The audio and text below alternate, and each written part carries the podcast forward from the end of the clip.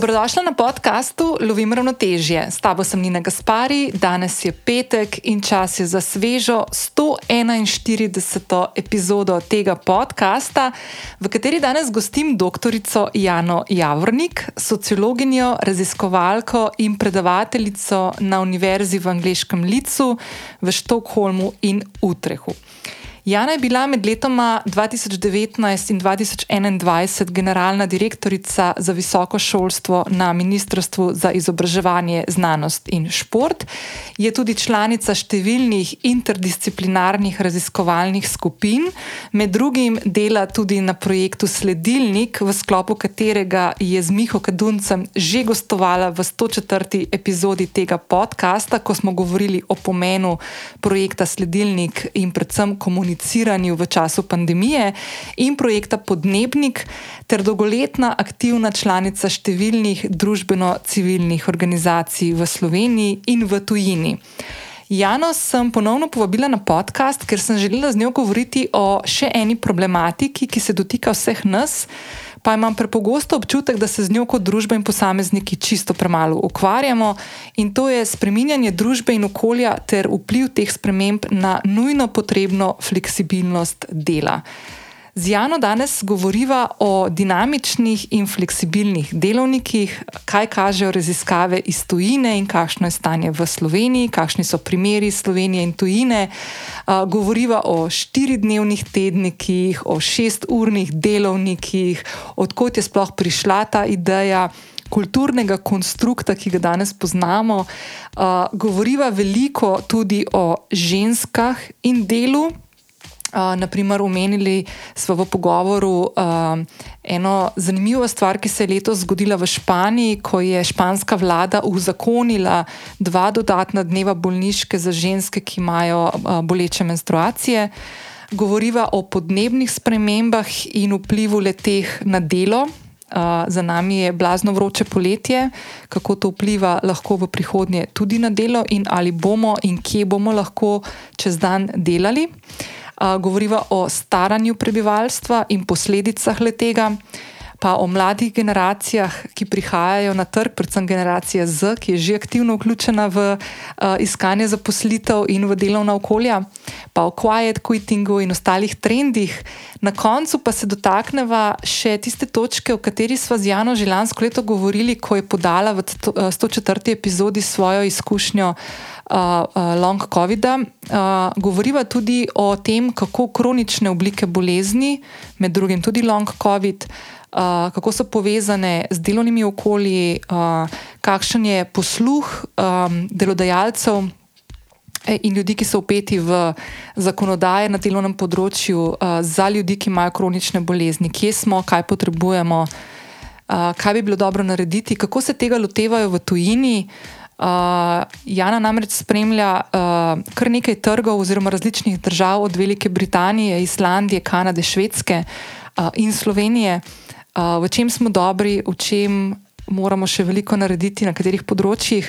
Uh, gre za epizodo, ki je zelo pomembna in se dotika praktično vsakega od nas.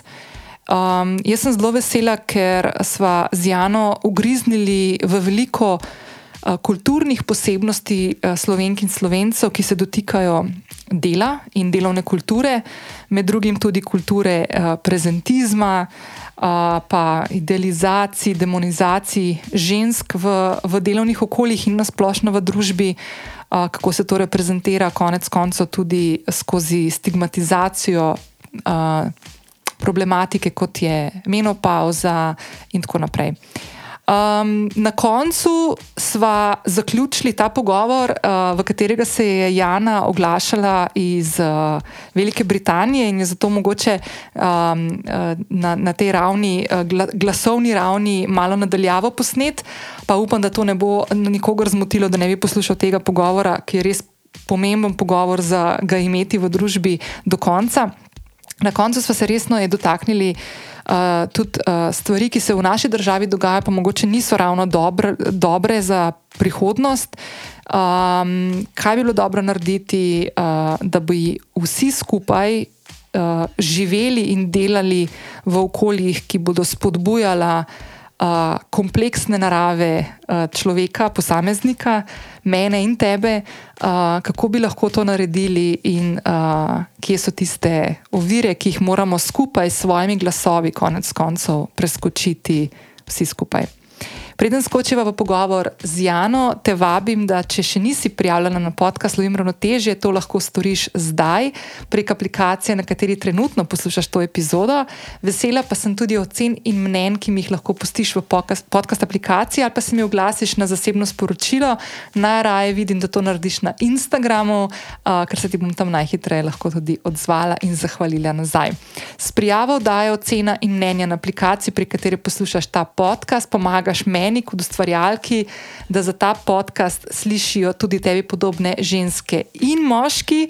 In tudi tokrat lahko spodaj v opisu najdeš povezavo do zapisa epizode, kjer te čakajo dodatne vsebine na to tematiko, ki smo jo danes omenili z Jano, in tudi 104. epizoda, če želiš bolj podrobno uh, Janino zgodbo o long COVID-u slišati iz prve roke uh, je še vedno aktualna, tudi leto kasneje, potem ko smo jo posneli, in se mi zdi res tako ključna. Istočnica za, za nadaljevanje tega najnega pogovora, ki ga boš danes slišala do konca, da se še malo po, po, po, uh, pozanimaš, oziroma da dobiš uh, informacije iz prve roke od osebe, ki s tem živi zdaj že skoraj da tri leta. Uh, nič, to je to, skočimo v pogovor z Jano, en lep, lep, lep pogovor ti želim. Noč, tako, uh, ful sem vesela, da te spet vidim, tako le nadaljavo. Uh, pa da zdaj v bistvu, kdaj smo prvič govorili, po eno leto nazaj? Ja, september je bil wow. lani. Wow. Ja. Šiba. Šiva, čuden teče ta čas. Ampak sem ful vesela, ker uh, v prejšnji epizodi si šla prav pogled, preden smo se zdaj dobili, to je bila 104. Uh, sva, zdaj pa 141, samo to, en, enke pa štirke. Uh, sva se pogovarjali, zelo veliko smo se pogovarjali o COVID-u, uh, pa ti si bila sogovornica kot del ekipe sledilnika takrat, ne? in sta bila z Mihatom skupaj. Um, in si tudi govorila o svoje, svoji izkušnji s COVID-om, long COVID-om in tako. Um, zdaj bi pa danes jaz zajadrala v eno stvar, ker če je bila tista tema, tema, ki se vseh tiče se ta tema, ki jo danes hočem s tabo odpreti, tudi tema, ki se v bistvu vseh nas tiče, tako ali drugačne.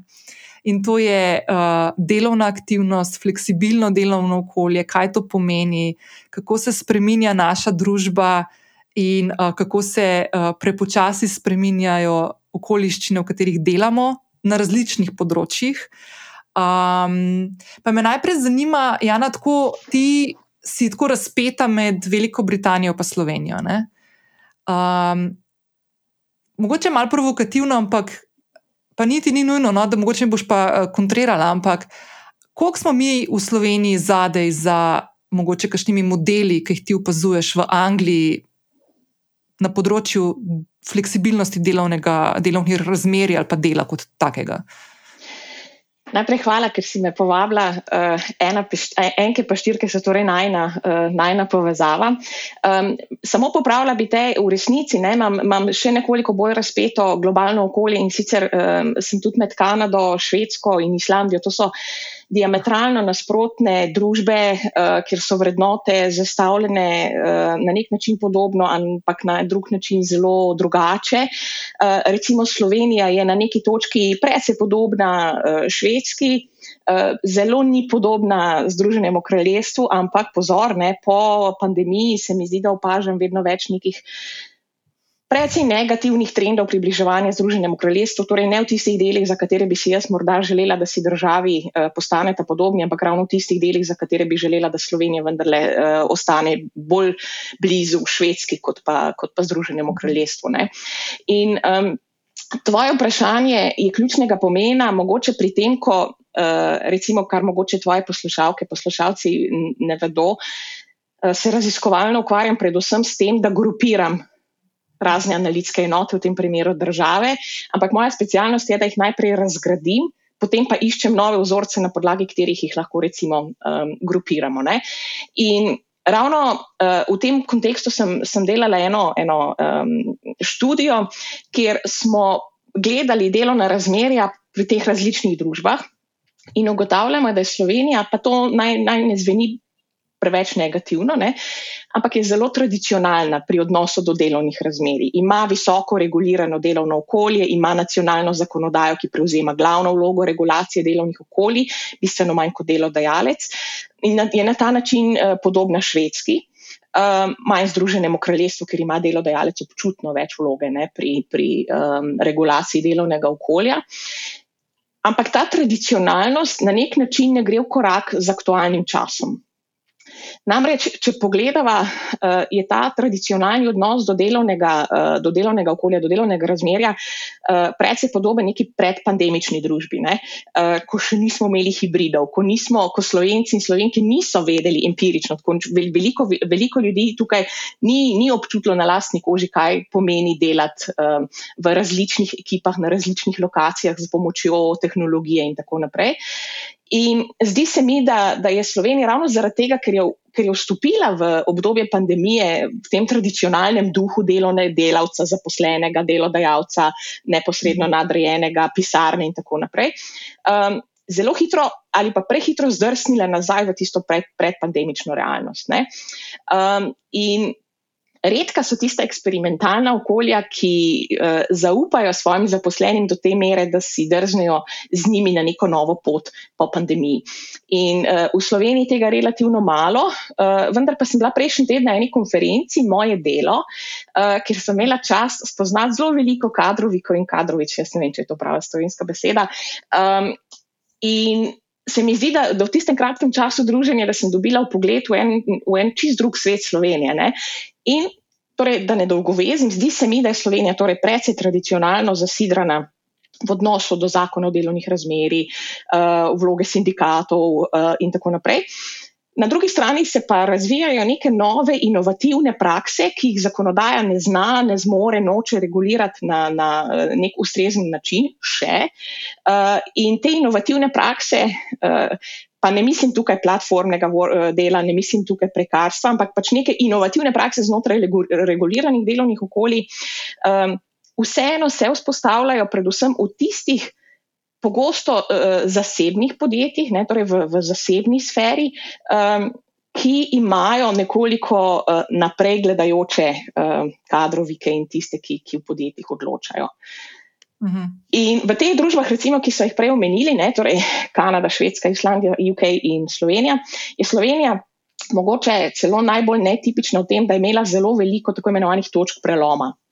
Uh, namreč išla je iz uh, socializma ne, uh, v 90-ih v nek nov sistem in je od takrat naprej skoraj, da jaz temu rečem, perpetualni tranziciji, trajnem. Uh, prehajanju iz nekega sistema v drugega.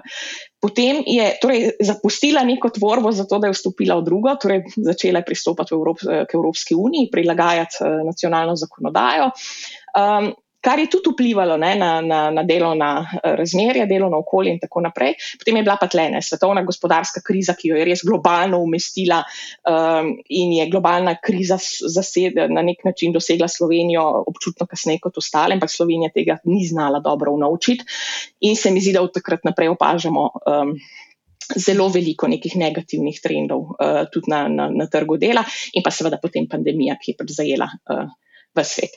Ampak um, gre, gre za to, ne, da, je, da je Slovenija sodobna družba, precej tradicionalno usmerjena, uh, ampak da doživlja tako velike, pospešene spremembe. Mhm. In um, gre za tehnološki razvoj, zdaj le se pogovarjamo o omejenosti virov, migracijske tokove, potem so tu številne druge priložnosti in izzivi, ne, ki jih Slovenija nek način se mi zdi, da ne zna, noče uh, zajahati tega vala, ki bi, ki bi ga lahko spremenila, torej ki bi lahko problem spremenila v izziv ali pa priložnost. Mhm. In ena od takih so sigurno ne, migracije, kjer uh, Slovenija tradicionalno država, ki svoje talente uh, dobesedno odganja uh, sicer z velikimi floskolami, slogani. Um, Slovenci v tujini ste dobrodošli, ne? potem pa Slovenci iz tujine pridemo v Slovenijo, mislimo drugače, imamo velike kulturne šoke in nam rečejo, niste več dobrodošli. Ne? In ni to samo moja izkušnja, mislim, da je to kar uh, pogosta izkušnja, da pač je res kulturni razkorak uh, zelo velik.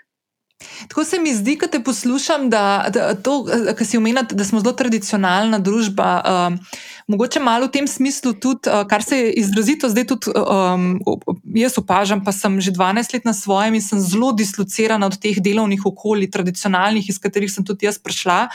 Um, ampak to, kar opazujem, je, da smo zelo hitro šli nazaj v tisto pred-COVID-no ne, zadevo v podjetjih, kako so se lotili nekatera, večina podjetij. No, se so svetle izjeme, uh, ki so se, naprimer, mogoče iz teh dveh let naučile nekaj, da, da lahko pa zaposleni imajo različne možnosti načina dela. Pa ne govorimo o koncu, konca se sicer tudi dotaknili drugih stvari, ne bomo govorili samo o tej.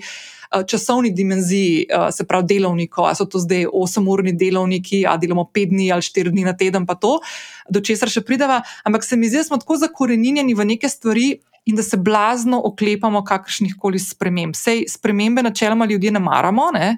Uh, se borimo proti tem, uh, zavestno ali pa podzavestno, ampak. Um, A je kakšna taka stvar, ki si jo ti mogoče zdaj opazila? Uh, to si umenila, si, naprimer, da en kup teh prelomnih točk, ki se je zgodil v naši družbi v zadnjih desetletjih, pa jih nismo izkoristili. Uh, Kaj bi, na primer, bilo, kašna, kaš, o poleg migracij, kaj bi bila kakšna taka stvar, ki bi bila mogoče zanimiva se jo lotiti, pa, pa smo jo, na primer, spustili, pa si ti upazila, je mogoče stopala? Je kakšna taka konkretna?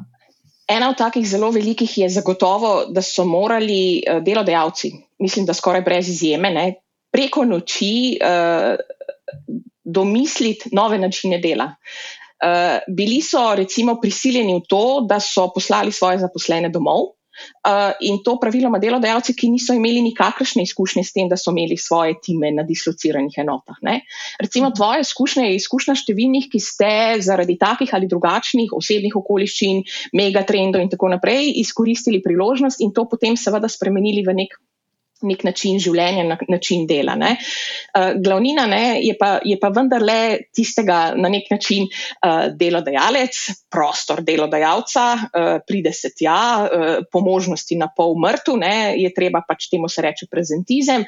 Uh, v mhm. Sloveniji ima sploh ne, to veliko tendenco, da bolni ne smejo ostajati doma. To je recimo še ena priložnost, ki je Slovenija očitno ne bo izkoristila, da bi recimo uh, po pandemiji začela razmišljati tudi o tem, da ljudje ne morejo, ne smejo delati bolni tako naprej. Um, ampak, da se vrnem k temu, ne, skratka, čez noč so bili prisiljeni organizirati delo drugače. Niso več imeli svojih zaposlenih po pisarnah uh, v svojem delovnem okolju, kjer jih vidijo, ne, kjer jih lahko vse čas spremljajo. Um, in so bili na nek način prisiljeni zaupati, da bodo njihovi zaposleni svoje delo oddelali, če tudi jih ne bodo imeli 8 ur na očeh. To je, bilo, to je bil velik kulturni šok za številne delodajalce, ki zlasti v Sloveniji gradijo na tem, kot rečeno, kulturi prezentizma. Ki, um, na nek način izpostavlja dejstvo, da več ur, in Slovenija je zelo nagnjena k temu še vedno, ne? več ur, mhm. ko preživiš na delu, ne glede na to, kaj počneš, pa koliko si storiln, pa koliko si učinkovita in tako naprej. Ampak mo pač si v pisarni dolge ure, ergo pripadaš podjetju, se žrtvuješ za podjetje ali pa za, za, za, za delodajalca, si dobra delavka. Ne? Skratka, ta, um, to razumevanje dobrega delavca. Uh, je tudi je še ena stvar, ne, ki se mi zdi, da je Slovenija ne bo, uh, ne bo izkoristila za, za prenovo, obnovo, optimizacijo po tej pandemiji. In um, na nek način so se, so se morala podjetja, pa tle mislim tako javni sektor, ne, kot zasebni sektor, uh, uh, pospešeno digitalizirati, reorganizirati. Uh, neposredni vodje so dobili neke naloge, neke zadožitve, neke odgovornosti, ki jih prej niso imeli, pa jih nihče nekaj posebej za to upremo. Ne. In um, mi v Licu, recimo v moj oddelek, usposablja prihodne generacije kadrovikov na globalni ravni. In smo imeli zelo kritične tako, refleksije, ne, da smo v resnici ravno take šole na nek način pustile trg dela na cedilu. Uh, ker namreč do te do točke pandemije kadrovikov nismo eh, vzgajali, socializirali v tej kritični vizionarski luči, ampak precej tradicionalno, ne? kakšna je vloga kadrovika. Uh, potem se je pa delo. Način dela, organizacija dela čez noč res radikalno spremenilo. Mhm. In Rekla si, da se bojimo sprememb. Uh, strinjala bi se s tabo, in predvsem je poudarek na bojimo se, gre za strah. Ne? In tukaj uh, tako kot smo se recimo pogovarjali lani septembra glede komunikacije v pandemiji, uh, se spet vračava na to usporednico komunikacije z zaposlenimi. Namreč uh, vsako podjetje, ki uvaja spremembe, ve, da če ti pelješ svoje zaposlene na to pot skupaj, imajo občutek vključenosti in tako naprej, so tudi te radikalne spremembe uh, lažje uh, izvedljive. In uh, zdi se mi, da uh, tega na velik. Da, Da nam, da nam tega primankuje, in da se na nek način podcenjuje moč uh, tega skupnostnega sooblikovanja um, delovnega, delovnega življenja. Ne na zadnje, če pogledamo, ne, uh, ljudje preživimo za svojimi uh, sodelavci in sodelavkami celo več časa kot svojo družino. Mhm. Od ponedeljka do petka, standardni delovnik, vsaj 8 ur, eh, mnogi ljudje več. Ne, to je več, kot ti potem aktivno preživiš svojo družino popovdne, ne, preden vsi uh, popadamo v postelje preutrujeni za kakršno koli kakovostno življenje. Ne. In to je tisto, kjer sem res računala, se mislim, da sem, da sem imela celo en govor v eni svojih prejšnjih funkcij, uh, da si želim, da bi iz te krize išli pametnejši in modrejši. Uh, dala nam je namreč res, klas, res krasen uvid v vse, kar je narobe, ne? na, na, na trgu mhm. dela, na delovnem mestu. Um, videli smo tudi zelo pomembne kulturne spremembe. Mislim, da so postale res učitne uh, razlike med generacijami, tistimi, ki so digitalno vešči, pismeni eh, in tako opremljeni, in tistimi, ki smo jih pustili za sabo. In um, pot digitalizacije, hibridizacije uh, delovnih okolij, ne, o čemer bomo mogoče še kasneje. Um, Ni vključujoča in pušča za sabo počasnejše, uh, pušča za sabo manj opremljene in manj vešče. In to je še eden od velikih izzivov, ki jih mislim, da Slovenija ni uh, upoštevala. Sej, mislim, da ta pandemija je bil en tak, res, res tak um, kolektiven, globalen reality check na različnih segmentih družbe. Ne? Zdaj, spet. Jaz govorim o nekih stvarih, ki so meni sicer tuje, ne, naprimer, jaz nimam otroka. Um, nimamo, sem ženska, nimam otroka, ampak predvidevam, da verjetno ne bi bila bistveno drugačna situacija pri meni, kot je bilo pri številnih uh, ženskah, ki so zaposlene, uh, in so avtomatično prevzele večji del, delež uh, šolanja otrok od doma. Uh, v času pandemije, v času zaprtja šol, ki je bilo pri nas dejansko eh, zelo dolgo. Uh, tako da tle, tle šlo in za te uh, essential workers, ki so po celem svetu bili um, nažalost, ko so še vedno med slabo, najslabše plačanimi kadri, malo mešam zdaj stvari. Uh, med ženskami, naprimer, starejšimi, ki so nepismeni digitalno ali pa se niso mogli tako hitro priučiti tega. Ali pa konec koncev ljudi, ki imajo v svojem domačem okolju razmere, v katerih ne morejo delati. Ali lahko je nasilje doma, lahko je vse žive stvari se dogajajo. Ne? In dejansko tukaj smo prišli do trenutka, ko te klasične metode uh, dela z zaposlenimi, pa ne samo HR, ne, tudi tako kolektivno. Ne, ne, ne gre več pogrupirati ljudi v neke predalčke, ampak dejansko imaš od enega do drugega. Ne, zelo je personalizirano postalo. Vsak človek ima svoje multiplastne težave v vsakdanjem življenju in izzive, ki jih je treba v takih primerih eh, razumeti in jih poslušati. Ne. To si zelo lepo povedala in to je še ena od stvari, eh, ki, ki naj jo na nek način vrača k tisti tezi o tradicionalnem delovnem okolju v Sloveniji, predvsem o tem, da imamo pred sabo pogosto tradicionalnega zaposlenega, tradicionalnega delavca. Praviloma je to moški, ne, ki, ki, ki se lahko življensko posveča svojemu delodajalcu, um, ki ima vse ure dneva na razpolago za to, da je na voljo za eh, plačano delo. Um, In seveda to ni tipičen delavec. Uh, tudi, recimo, tudi moški ne, nimajo več uh, izključno ene samega vira identitete, enega samega poslanstva v življenju. Um, ampak Še ena stvar, ki, ki je morda, ki sem jo opazila, ker sem namreč v času teh, te, tega ključnega preloma uh, bila na nek način delodajalka, ne, torej sem vodila uh, cel direktorat, ker je bilo od mene odvisnih kar nekaj ljudi. In uh, sem opazila v Sloveniji, uh, pogosto pozabljamo, ne samo na to, ne, da so naši, naši zaposleni individuumi z specifičnimi potrebami, specifičnimi življenjskimi okolji, s kompleksnimi življenjskimi uh, scenariji, ampak tudi to, da mi imamo med svojimi, del, med svojimi zaposlenimi zgolj staršev. Imamo tudi ljudi, ki so uh, skrbniki, uh, bodi si svojih ostarelih staršev, teh je vedno več, glede na to, da se staramo. Uh, imamo med svojimi zaposlenimi veliko sandvič generacij, ki so dobesedno pritisnjeni, stisnjeni ne, med skrb za svoje otroke in skrb za svoje uh, ostarele, odvisne starše. Uh, po drugi strani imamo recimo uh, ljudi, ki skrbijo za svoje partnerje, za svoje sosede, za svoje uh, prijatelje, ki so odvisni od njih. Ne, mhm. ne na zadnje imamo tudi ljudi, ki skrbijo za svoje živali in jim je to uh, enako pomembno. In recimo v Sloveniji se pogosto temu uh, posmehujejo, ne, češ, da skrb za žival ne more biti enakovredna skrbi za, za človeka. Mislim, to bom prepustila vsakemu uh, posebej, ne, kaj, kaj se bo o tem mislil. Ampak uh, človeku, recimo, ki mu je, ki ne recimo skrbi za uh, uh, terapi, therapy animal, kako se temu reče? Terapevtsko, terapevtsko žival, tako ne. Je recimo je njegov ali pa njen blagor v resnici odvisen od, od blagorja te živali. Ne? In to so, to so zadeve, o katerih se v slovenskih delovnih okoljih zelo redko pogovarjamo. Um, tudi, recimo, če se vrnemo nazaj k temu tipičnemu tradicionalnemu delavcu, mi smo le narod Martinov Karpanov in Petrov Klepcev. To se, pač, se pač res ne spodobi, da, pri, da priznaš, da imaš uh, kakršne koli težave, kamoli psihične težave. Mhm. In, ali pa težave v duševnem zdravju, ki niso nujno neki hujši problemi, ampak so mogoče samo vem, težave z nespečnostjo. Um, Potem pridemo do tega, recimo, da se nam, ker se nam delovna sila stara, ne, uh mhm. -huh govoriva o, o naraščajočem deležu žensk v perimenopauzi, ki, lahko, ki se lahko vleče več kot desetletje, potem ženske v menopauzi, ne na zadnje so tudi moški ne, v andropauzi, pa se o tem sploh ne pogovarjamo, ker. Kot rečeno, v državi Petro Klepca in Martino Krpanov tega ni, ne? smo vsi zdravi, smo vsi ok. Um, in potem se zapijaš in samo moriš. Uh -huh. uh, in tega imamo tudi zelo veliko, in se tudi o tem, recimo, ne, ne, ne pogovarjamo um, odprto. Potem imamo pa tle ne, soočanja z temi velikimi medgeneracijskimi razkoraki.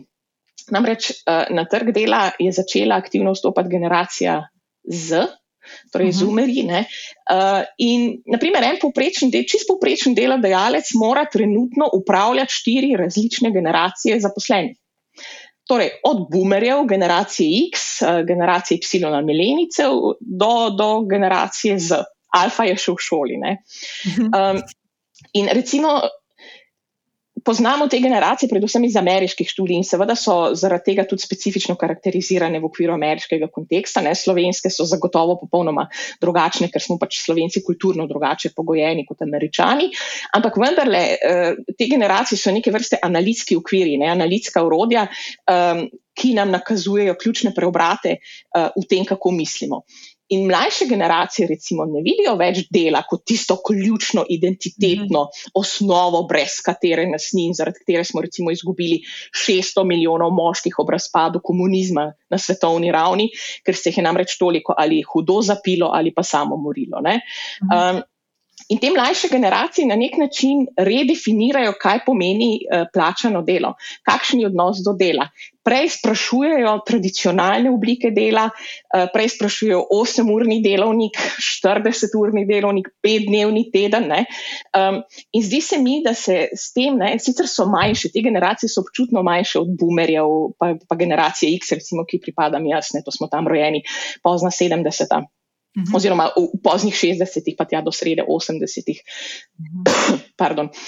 In si predstavljaš, recimo, delodajalca, ki mora upravljati s takimi štirimi raznolikimi generacijami. Ena, ki ima uh, izredno bogato zgodovinsko uh, zgodovinski spomin podjetja. Recimo, uh, in drugo, ki pravi, da mu je ali pa je življenje zunaj uh, zaposlitve vsaj enako, če ne pomembnejše od plačane zaposlitve. In uh, upravljati z, z, z takimi generacijskimi um, razkoraki in različnimi vrednotami je velik izziv. Ne? In zelo pogosto se to kar prepušča. Um, neposrednim vodjem, ki pa niso ravno vedno vsi uh, primerno opremljeni za upravljanje s tem. Ne. Jaz sem se zadnjič pogovarjala z eno kolegico, ki dela na eni od oglaševalskih agencij, že po mojem, če bom rekla, 20 let, se ne bom, ne bom pretiravala. In je rekla, da verjetno še nikoli prej kot to, pa ni jej čarovka. Ne? Se pravi, ona ima svoje delo, ki ga mora upravljati, plus ukvarjanje z ekipami, večjo, več, večjo ekipo. In je rekla, da tolikrat se ukvarja, pa ne v tem smislu, da je odveč, ampak na, kako globoko se mora ukvarjati s temi mladimi, ki zdaj prihajajo. Je rekla, mi včasih, ko smo bili na faksu, pa smo le med njimi, ne, smo tako, je bilo tako delo v oglaševalske agencije, to je bilo tako. Najbolj medmenna situacija, zaželeno, uno, kaj vse bi dal, da bi tam lahko bil. Ne. Danes ne, je to, ne, ne more reči skoraj obratno, da jih moraš totalno navdušiti, da pridejo mladi, pri, da delajo, ampak da dejansko se moraš z njimi zelo, zelo, zelo ukvarjati in pogovarjati in jih razumeti, ne, da v bistvu to pričakujejo, da razumeš tudi to njihovo dinamiko in njihove želje, potrebe in tisto, kar jim je prioriteta. Ne kar mogoče mi nismo niti upali izraziti. Veš, to, je, to je ta. Ne? Mi smo imeli ta zelo instrumentalen odnos do dela, uh, vzgajani v tej etiki in duhu. Uh, delo je naš osnovni vir identitete, moramo delati. Ne? In jaz večkrat predstavim to, uh, to tezo. Slovenija je tako geopolitično krasno umeščena. Mi smo bili upam zdaj, da ne bom koga razburila s tem, ne? ampak mi smo bili najprej protestanti, ne? pač naša kultura je nastala kot protestantska kultura, uh, na to smo bili pa na neki točki po, uh, po katoličani. Po katolicirani. Tako, hvala, hvala, Nina, hvala, Nina. Ja. In gre za sicer na nek način sorodni ne, um, kulturni uh, osnovi, ampak recimo osnova protestantizma, ne, ta delovna etika. Uh mhm. -huh osnova katolicizma ne, je pa krivda, greh. In zdaj si predstavljaj, ne, da, smo, da smo se znašli na, na, na, na skrižju teh dveh, ne, nenehno delati in potem ta perennial, večna krivda in greh, če ne delaš vse čas. Ne. Mhm. In to se mi zdi, da se je skozi skoz generacije kulturno zelo dobro zasidralo. Um, ampak lej, vsaka generacija šteje cirka 25 let, tudi več, ne? nekatere, so, nekatere so večje. Pa smo prišli do skoraj 100, 100 let, ne? do, do te nove generacije in mislim, da je res skrajni čas, da, da, da, se, da se prevrednoti ta odnos do dela. In v UK svetujem enemu podjetju, ker sodelujemo raziskovalno s tem podjetjem. In imam res uh, privilegiran položaj, ker lahko sodelujem v vseh njihovih procesih, svetujem jim pač pri optimizaciji uh, procesa rekrutiranja, da pač ta postane bolj vključujoč. Um, in smo prejšnji teden v Šardu, veš, to je taka res tehnološko dovršena stolpnica, kjer je meni moral kurir za hrano pomagati, da sem sploh znala priti do pisarne, ker so tudi dvigala tako narejena, da sem se počutila totalno digitalno nepismena. Uh, skratka, pridemo v to krasno pisarno, mene je seveda fasciniralo že to, da sem lahko si pogledala London iz tiste visoke ptiče perspektive. Se vidi pač ne generacija X, veš, jaz rabim zelo malo, da sem navdušena. Skratka, bila sem povabljena, da sodelujem uh, kot, kot um, članica njihove izbirne komisije pri, pri intervjuju, na kar pride en mlad fant, lahko to govorim, naj imam njihovo dovoljenje, sem jih vprašala. Uh, in pride en mlad fant in uh, je bilo zelo klasično vprašanje. V UK je to klasičen nabor vprašanj, ki jih postaviš v intervjujih. Uh, in tako, zakaj bi vas zaposlili? Ampak tle se pa začne. Um, namreč uh, ta intervjujenec reče, je, zakaj pa me ne bi, se imate uh, razpisano delovno mesto. In potem ne, šok, uh, totalen mok ne, v, v tej selekcijski komisiji, na kar se vendarle nekdo upogumi. Ne, in reče, da pač to ni najbolj spremljiv odgovor. Ne, mislim, veš, v intervjujih tega ne rečeš, ne, ne, nič ni nespremljivega, vse je indikator za nekaj. Ne. Um, Na kar reče ta, ja, ampak zdaj pa vi meni povejte, zakaj pa vi sploh imate razpis? A vas je kdo zapustil, a imate probleme, a ne morete najti uh, zaposlenega za to delovno mesto? Uh, in seveda, ne spet na drugi strani šok, jaz ne vem, verjetno še niso imeli takega uh, kandidata. Ne? Na kar potem še neki, neki, neki, neki tako se vlečejo ven ne? in reče, ok, se vidimo v ponedeljek. Danes je ponedeljek in moram preveriti kaj se je zgodilo.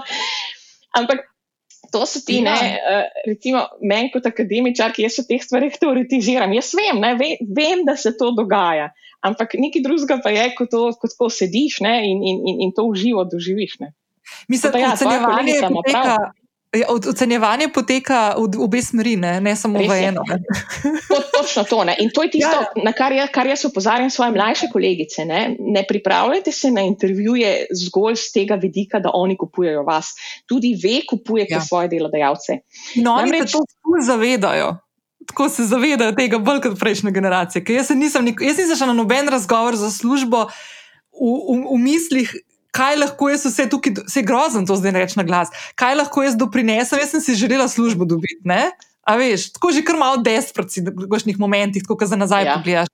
In si misliš, ko pa kaj hudiča, se konc koncev bojo pa zadovoljni, če me dobijo. Ne? Ne, nismo bili sposobni tako gledati na te stvari in te mladi tako to delajo in meni pa to všeč. Tudi, a veš, točno to, ne, ker preigrava, veš, temu se reče trg, ne, trg. In na trgu se ponuja um, delo, in se ponuja, pa ne samo delo, ne? ponuja se intelekt, ponuja se veščine, ponuja se kapital, ki ga prinese s sabo. In um, pogosto, recimo, podjetja, s katerimi sodelujemo, ne, uh, moramo uh, na nek način opomniti. Da je njihova naloga izredno zahtevna, namreč ne iščejo samo človeka, ki prinaša veščine, ki jih morda iščejo, ampak tudi človeka, ki bo kulturno dopolnjeval njihovo organizacijsko kulturo. In te ne mhm. pozna nihče, dovolj dobro, mislim, nihče bolje od njih. Ne? In zato je mhm. tako pomembno, koga daš ti v ta, v ta selekcijski odbor. Recimo, izbirne komisije v Združenem kraljestvu so pogosto precej homogene. Um, tako, generacije X, ne, torej megen, srednje generacije, praviloma beli. Um, Pogoste je moški, in tako naprej. Ne? In ti moraš ne, v tej selekcijski komisiji res um, vanje posaditi ljudi, ki predstavljajo tvojo organizacijo in znajo potem iz kandidatke uh, prebrati, ali, ta, ali se bo ta oseba lahko vključila v tvojo delovno mm -hmm. organizacijo. Mm -hmm. Ker ni ga hujšega kot, veš, seveda, ne psihološki učinek, jaz bi tudi ne.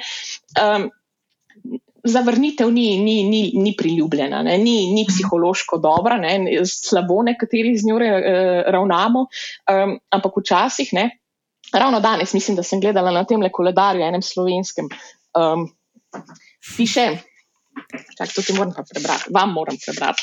In sicer zavrnitev je le preusmeritev. Lepo. Lepo ja. um, ko se mi je zdelo, res je, ne? včasih je pač to res znak, da mogoče to res ni, bilo, uh, ni bila naša priložnost. Ej, zdaj smo prišli. Ne, ampak, full, by the way, sem, sem se prej smejala, ker si rekel, da si bila v Dešadu. Jaz sem včasih živela tam spodaj na Burmanzi Street, veš, za vogalom. Ja, in takrat so ga šele zidati začeli, tako da ga nisem niti, pol sem ga videla šele dve leti nazaj, ko sem šla v London po desetih letih. Ampak ja, uh, ne, veš, kaj sem ti hotela reči, da v bistvu, tako kot sem si jaz nekako zastavila te istočnice, ki sem ti poslala za naj današnji pogovor, zdaj si me čist šejkala, ker se mi zdi, da so tako.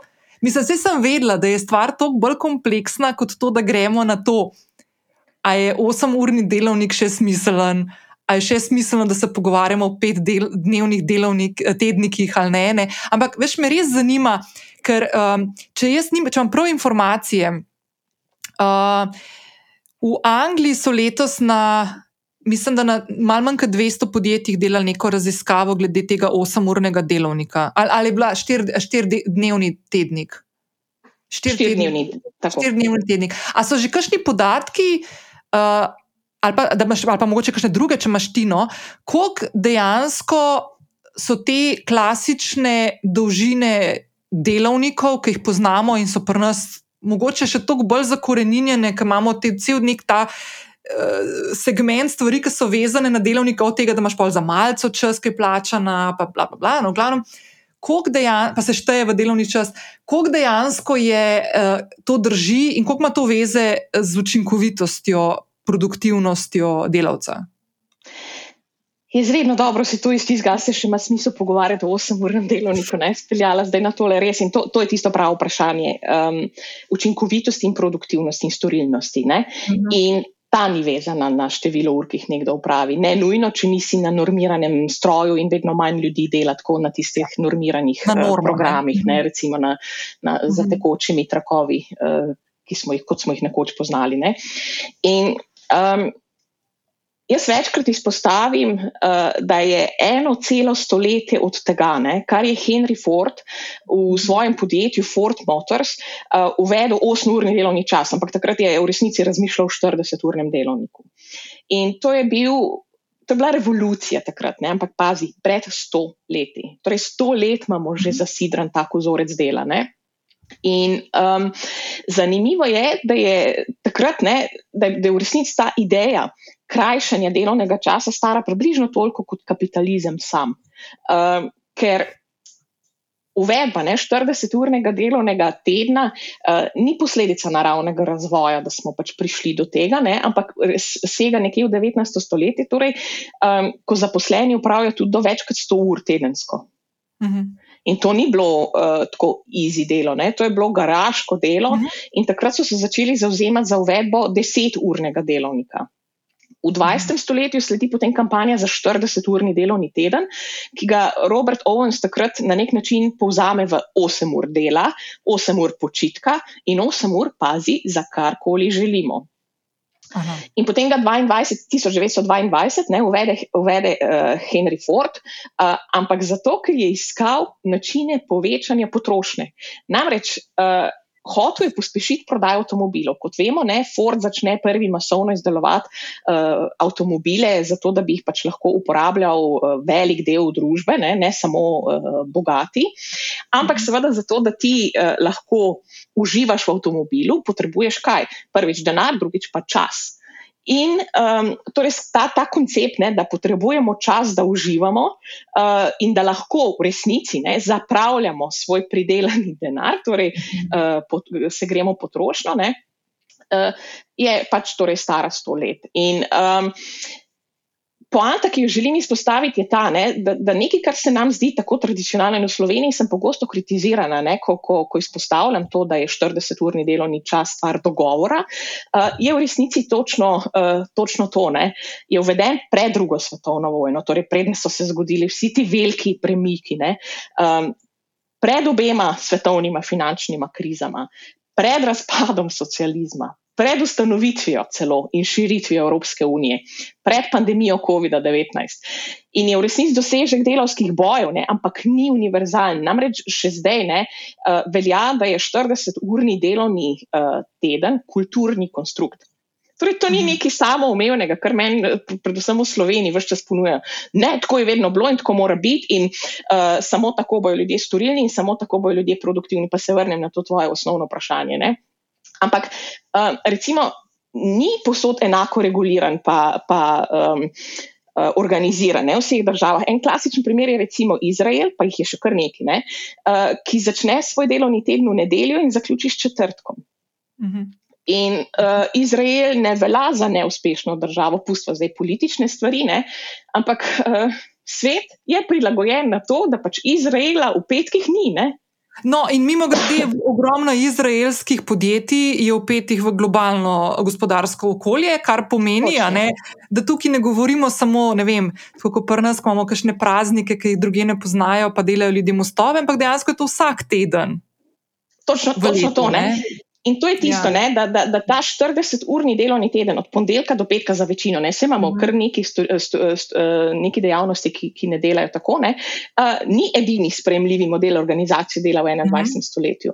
Ampak zahteva pa, da se začnemo o njem uh, pogovarjati nekoliko bolj odprto, ne, tako da si malo odpremo uh, glave. Ampak tako kot si omenila, ne, na otoku smo začeli z doslej v resnici največjo uh, polletno pilotno študijo uvajanja štirdnevnega uh, delovnega tedna, kjer bo 70 podjetij, uh, torej sodeluje 70 podjetij, večinoma se zasebnega sektorja, ampak je več kot 3300 zaposlenih vključenih.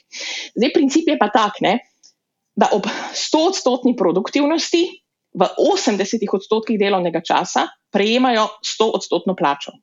Mhm. Skratka, uh, večina teh podjetij je skrčila delovni čas za en cel dan. Uh, in praviloma ob četrtih zaključijo.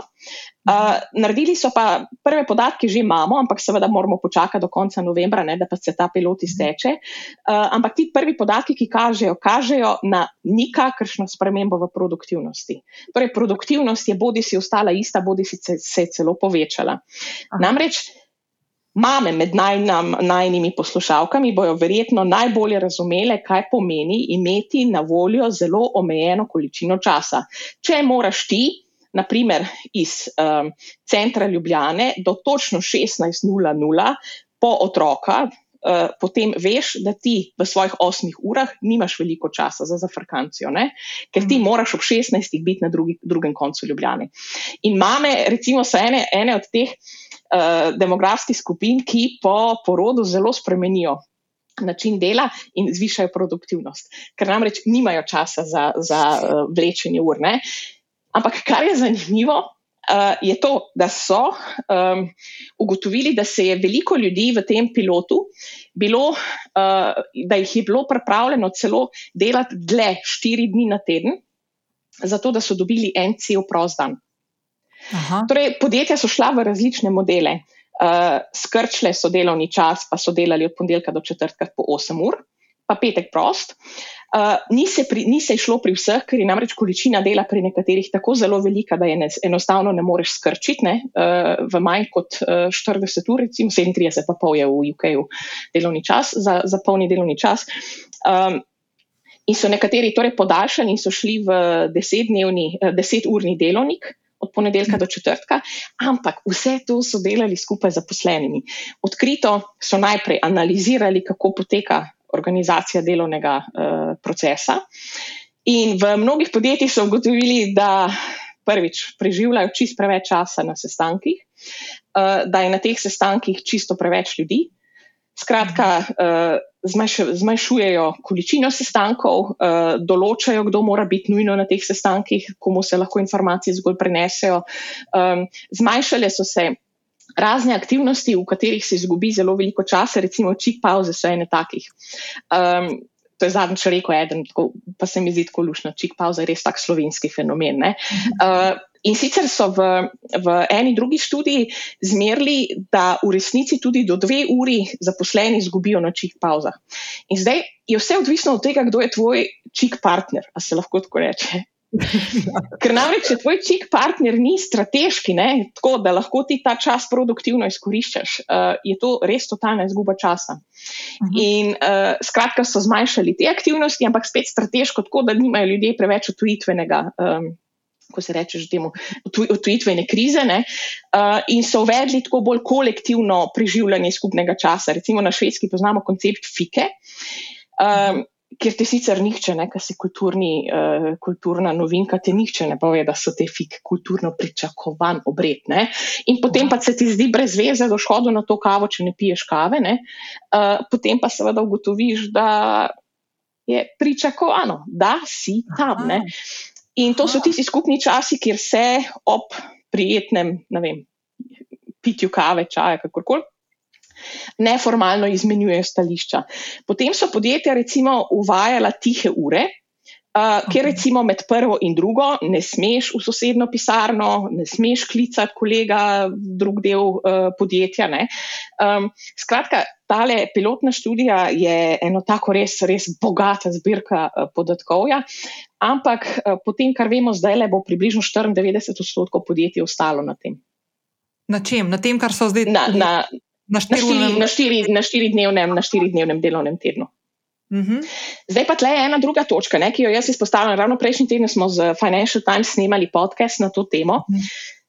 In sicer Združeno kraljestvo ima uh, zelo bogat nabor um, različnih oblik in načinov dela. Ti lahko recimo v enem dnevu delaš tudi 12 ur in potem naslednji dan delaš manj ur. To je vse dogovorno, lahko pa je tudi pogodbeno dogovorjeno. Uh, lahko delaš recimo po urah, uh, lahko delaš vsak drugi dan. Uh, skratka, tudi polni delovni čas je drugače razumljen kot je v Sloveniji. Uh, In ljudje se bojijo, ne, da bi s tem, ko se kompresira delovni teden v štiri uh, dni, uh, da bi. Ne, To je dogovorjeno, Aha. da ostane plača Aha. ista, ne? ampak Aha. bojijo se, da bi izgubili ostale oblike fleksibilnega dela, ki so se razvile skozi čas. Uh, tako da to bojo, še, to bojo še verjetno zadeve, ki jih bo treba uh, razvijati. Uh, je pa zanimivo, ne, recimo, uh, pogosto dobivam, pa kako bo pa blagajničarka delala od doma, ne, ali pa uh, kaj bomo naredili z ne vem, nekimi netipičnimi poklici. In ključno pri tem je, da ti poznaš svoj delovni proces in da mhm. pogledaš, kje so tiste točke v delovnem procesu, ki jih lahko predrugačiš. In, naprimer, imamo prav, ravno za blagajničarke tudi te, da tudi blagajničarke lahko delajo od doma, če jih ti digitalno usposobiš in lahko recimo v tem času od doma dostopa do programa, naprimer, eh, spremljanja nabav, spletnega nakupovanja in tako naprej. Um, In zato ni dovolj, veš, da preleti en akademski svetovalec, pa reče, kako se bo to naredilo, ampak v resnici pomaga pomaga delodajalcem pregledati vse njihove procese. In to ni samo en proces, ker imaš ti velikrat zelo velik, veliko različnih timov. Mhm. A veš, kaj je ena skupna beseda, ki ima me zdaj skozi glavi, ki te poslušam? Da v bistvu optimizacija ja. ne, dela, procesov. Ja, mislim, um, jaz se spomnim leta nazaj, imam še vedno, no, se probujem tega držati, da imam petke frej. Ne? Oziroma da imam petke za tiste stvari, ki jih hočem sama početi, in da sem dosegljiva, sicer, ampak če se le da, nimam sestankov pa tega, ne, pa nekih klicev, pa teh stvari, ne, ali pa kakšnih oddaj stvari in tako naprej. Um, in jaz se spomnim, ko sem jaz to prvič uvedla kot um, samostojna podjetnica, po mojem, ne šest, sedem let nazaj, ko sem začela to komunicirati s svojim poslovnim naročnikom, uh mhm. -huh. so mi gledali, da sem padla z lune. Ne? Tako dobesedno. In jaz sem v bistvu takrat uvajala, takrat sem začela na odprto kuhno veliko hoditi in sem uvajala to, da se lahko srečamo na kosilu na odprti kuhni. Pa smo se ponovadi družili tam. Tako da ta fika moment, ne, čisto podzavestno. Jaz sem res takrat to začela početi in mi je bilo tako. Uh, Mislim, prvo kot prvo, ljudje se navadijo, ne? se to se pravila uh -huh. postavljajo, pa smo malo drugačni, neka korporacija, ki mora te stvari postaviti, pa ima različne delovne procese, pa skupina ljudi, ki delajo različne stvari. Ampak meni se zdi le ključno to, da ti se znaš fleksibilno prilagoditi neki združbi ljudi, ki dela in ustvarja v nekih uh, podjetjih. Ne. Um, Točno to. In eno od pogostih vprašanj, ki jih dobim pri, uh, enih, pri, pri, pri nekaterih, ki simpatizirajo z idejo, ampak se ideje zelo bojijo, je, kako reagirajo uh, tvoje stranke. In recimo pri teh 70 podjetjih, pa se to ni samo UK, ne, to, recimo Nova mhm. Zelandija to že zdavno uvedla, Japonska, uh, Islandija, ne, um, ni se posod vedno dobro išlo, ampak um, recimo podjetja ti povedo, vse, kar je, moraš svoje stranke popeljati na to svoje potovanje s sabo, tako kot moraš svoje zaposlene, tudi svoje stranke. In jim pač poveš, ne, da um, nekaj je, recimo, če, če ti delaš v, v podjetju, ki, ki nudi podporo, ki je 24-urna podpora. Ne, um, Se takrat, recimo, so tudi na, za, za te našli načine reorganizacije dela. Pač poskrbiš, da uh, imaš ekipe organizirane tako, ne, da, da ne delajo uh, sedem dni, uh, itak že itak nihče ne dela sedem dni ne, na, na, ja. na teden. Uh, ampak ta kultura, a veš, um, always on, uh, vedno, pri, vedno na voljo, um, vedno nekje v bližini. Ta se radikalno spremenja. In mm. to smo nakazovali že pri pred približno dvema desetletjama pa so se stvari potem zasukale v drugo smer in nekoliko bolj utrdile to kapitalistično logiko. In sicer, da se ljudje, ne, ne, ne samo generacije, ampak tudi skozi generacije. Uh, Usmerjamo vedno bolj v neke postmaterialistične vrednote, kjer nam je, ko dosežemo nek osnovni uh, ekonomski standard, uh, pomembnejši kot dodatni dohodek, pro, pomembnejši torej prosti čas uh, ali pa zasebni čas, torej čas, v katerem, kot si ti prej lepo rekla, ne, mhm. imamo avtonomijo upravljanja z njim. In mhm. nekatera podjetja, recimo, so naredila tako, da so od ponedeljka do četrtka, recimo, na tistih um, normiranih uh, delovnih procesih, petke pa potem recimo prepuščajo bodi si za pripravo na prihodni teden, um, bodi si za, za pospravljanje določenih stvari, uh, lahko to delajo doma, kakorkoli. Skratka, niso šli vsi nujno ne, samo na štiri dnevni teden, ampak so pač uh, reorganizirali delovni teden tako, da je pač zdaj postavljen uh, na novo. Ampak, a veš, kakšna revolucija je, recimo Sage Publisher, to je eden v Londonu uh, pač izdajatelj, predvsem teh akademskih učbenikov um, in res znanstvenih revij. Uh, recimo, ko prideš k njim na sestanek, ne sme noben sestanek trajati dlje kot pol ure. A si ti predstavljaš, kako to zasuče, recimo, slovensko logiko, ne? ker prideš na sestanek in si pred sestankom nisi čist nič prebral. Vse so ti poslali, nič nisi pogledal, prideš na sestanek in tam pametuješ in organiziraš do konca. In, in ti sestanki se vlečejo 100 ur. Mhm. Ti potem rečeš, imeli bomo sestanek, trajal bo pol ure, na ta sestanek pridejo zgolj ti in ti in ti, ne, torej strateško mhm. premišljene, uh, premišljene funkcije. Um, in se sestanek tako prav fašistično konča po pol ure, kar pomeni, da ti v resnici obrneš koncept. Ne, pomeni, da, da, da se ti na sestanek temeljito pripraviš, imaš jasno agendo, imaš nekoga, ki zelo dobro vodi sestanek, um, in so na koncu vsi zadovoljni. Mislim, ni prostora mi za. Mi pa vsi skregani, mi pa vsi skregani. Ja, ja. Tako, no, no, tako. Ni prostora za bulšitanje. Pa zato, ker si prej rekla, kultura prezentizma, kako, da prideš tja zato, da si na sestanku in rečeš, jaz pa danes ja. letel, sem bila tri ure na sestanku, pač ne gre. Ne, ja, ja. Ja, ja. Ja. Um, pa vsi, pa vsi na, recimo, a si ti kdaj opazila, naprimer, ko so kakšne seje vlad ali pa tako, ne? Vsi na mobitelih pa imajo vsi pred sabo računalnike. Si potem ja. misliš, da okay, se tle, tle res mora biti na tem sestanku, ki pa seja vlade ne? in težko je seja vlade brez ministrice, pa ministra. Ja, Ampak, ja. um, lejte, velik brat vas gleda in uh, vi vodite zgledom. Ne? In, in um, tudi to, ne, da. Res ta kultura prezentizma je nekaj, kar, kar, kar je Sloveniji uh, izjemno dobro znano. Ne, le, jaz lahko povem en primer, ki se ga fulj spomnim iz, uh, iz časov, ko sem še delala v okolju uh, službe, imela klasično službo za poslitev. Um, in se spomnim, ko sem enkrat uh, delala sem v eni agenciji, kjer je bilo normalno, da si delal prek ur, ki so bile sicer kao delovniki. Uh, in jaz se spomnim enkrat, da sem ob 4:35 odprla, pač zaprla računalnik in odšla. In naslednji dan sem dobila dva projekta, dodatna, ker več kot očitno imam toliko časa na voljo še in da imam toliko še fleksibilnega, mislim, toliko še odprtega polja za delati, da pač bom dobila več dela. Ne? Če bi pa hodila okrog po čikcih, pa tako ne, pa zaradi tega bila dalj časa v službi, pa tega, se pa to ne bi zgodilo. Mislim, veš, koliko veliko ljudi, recimo v Sloveniji, mi reče: pridem zjutraj ob šestih, zato ker pridem iz ne vem drugega konca Slovenije in ne smem zamuditi izga okna, da, da pridem v Ljubljano. Ne? Ja. In so v službi ob šestih, ampak večina tistih, ki spremlja eh, predanost delu, ne, eh, ne pridejo v službo pred osmo. Eh, v UK začenjamo občutno, da je meni ta slovenska kultura jutranjega, jutranjega rituala, zdaj pa sploh, ko živim z dolgim COVID-om, izredno, izredno problematična. Ne?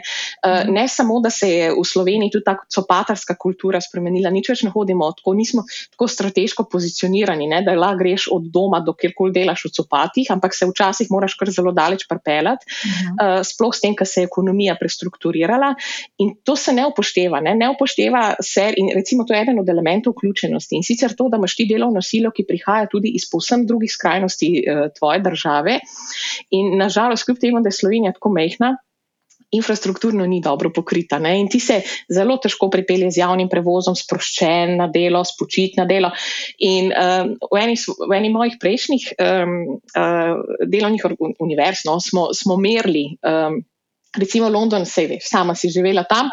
London je tako velik, uh, da greš iz enega konca Londona do drugega, pa, pa si še vedno v Londonu, v Sloveniji si pa mogoče že na Hrvaški ali pa v Avstriji. Mm -hmm. In um, je to izredno stresno.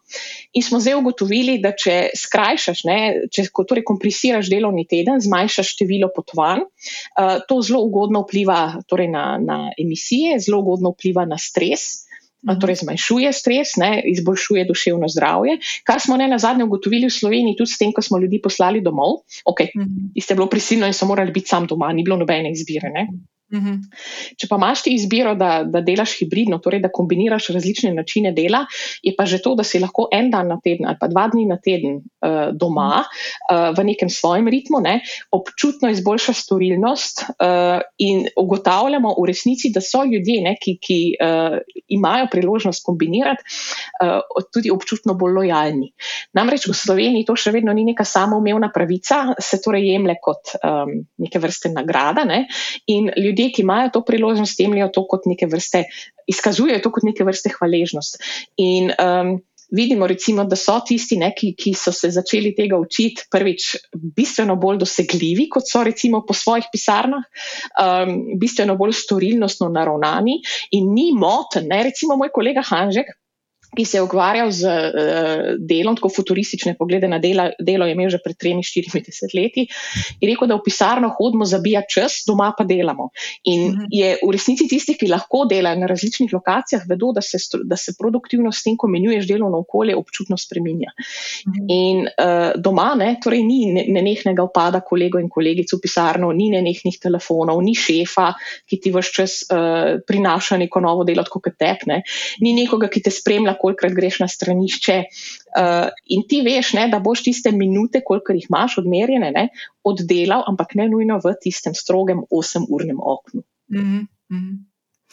Um, sva se prej že dotaknili še ne parih zadev, ki pomembno vplivajo na delavce, na delavke.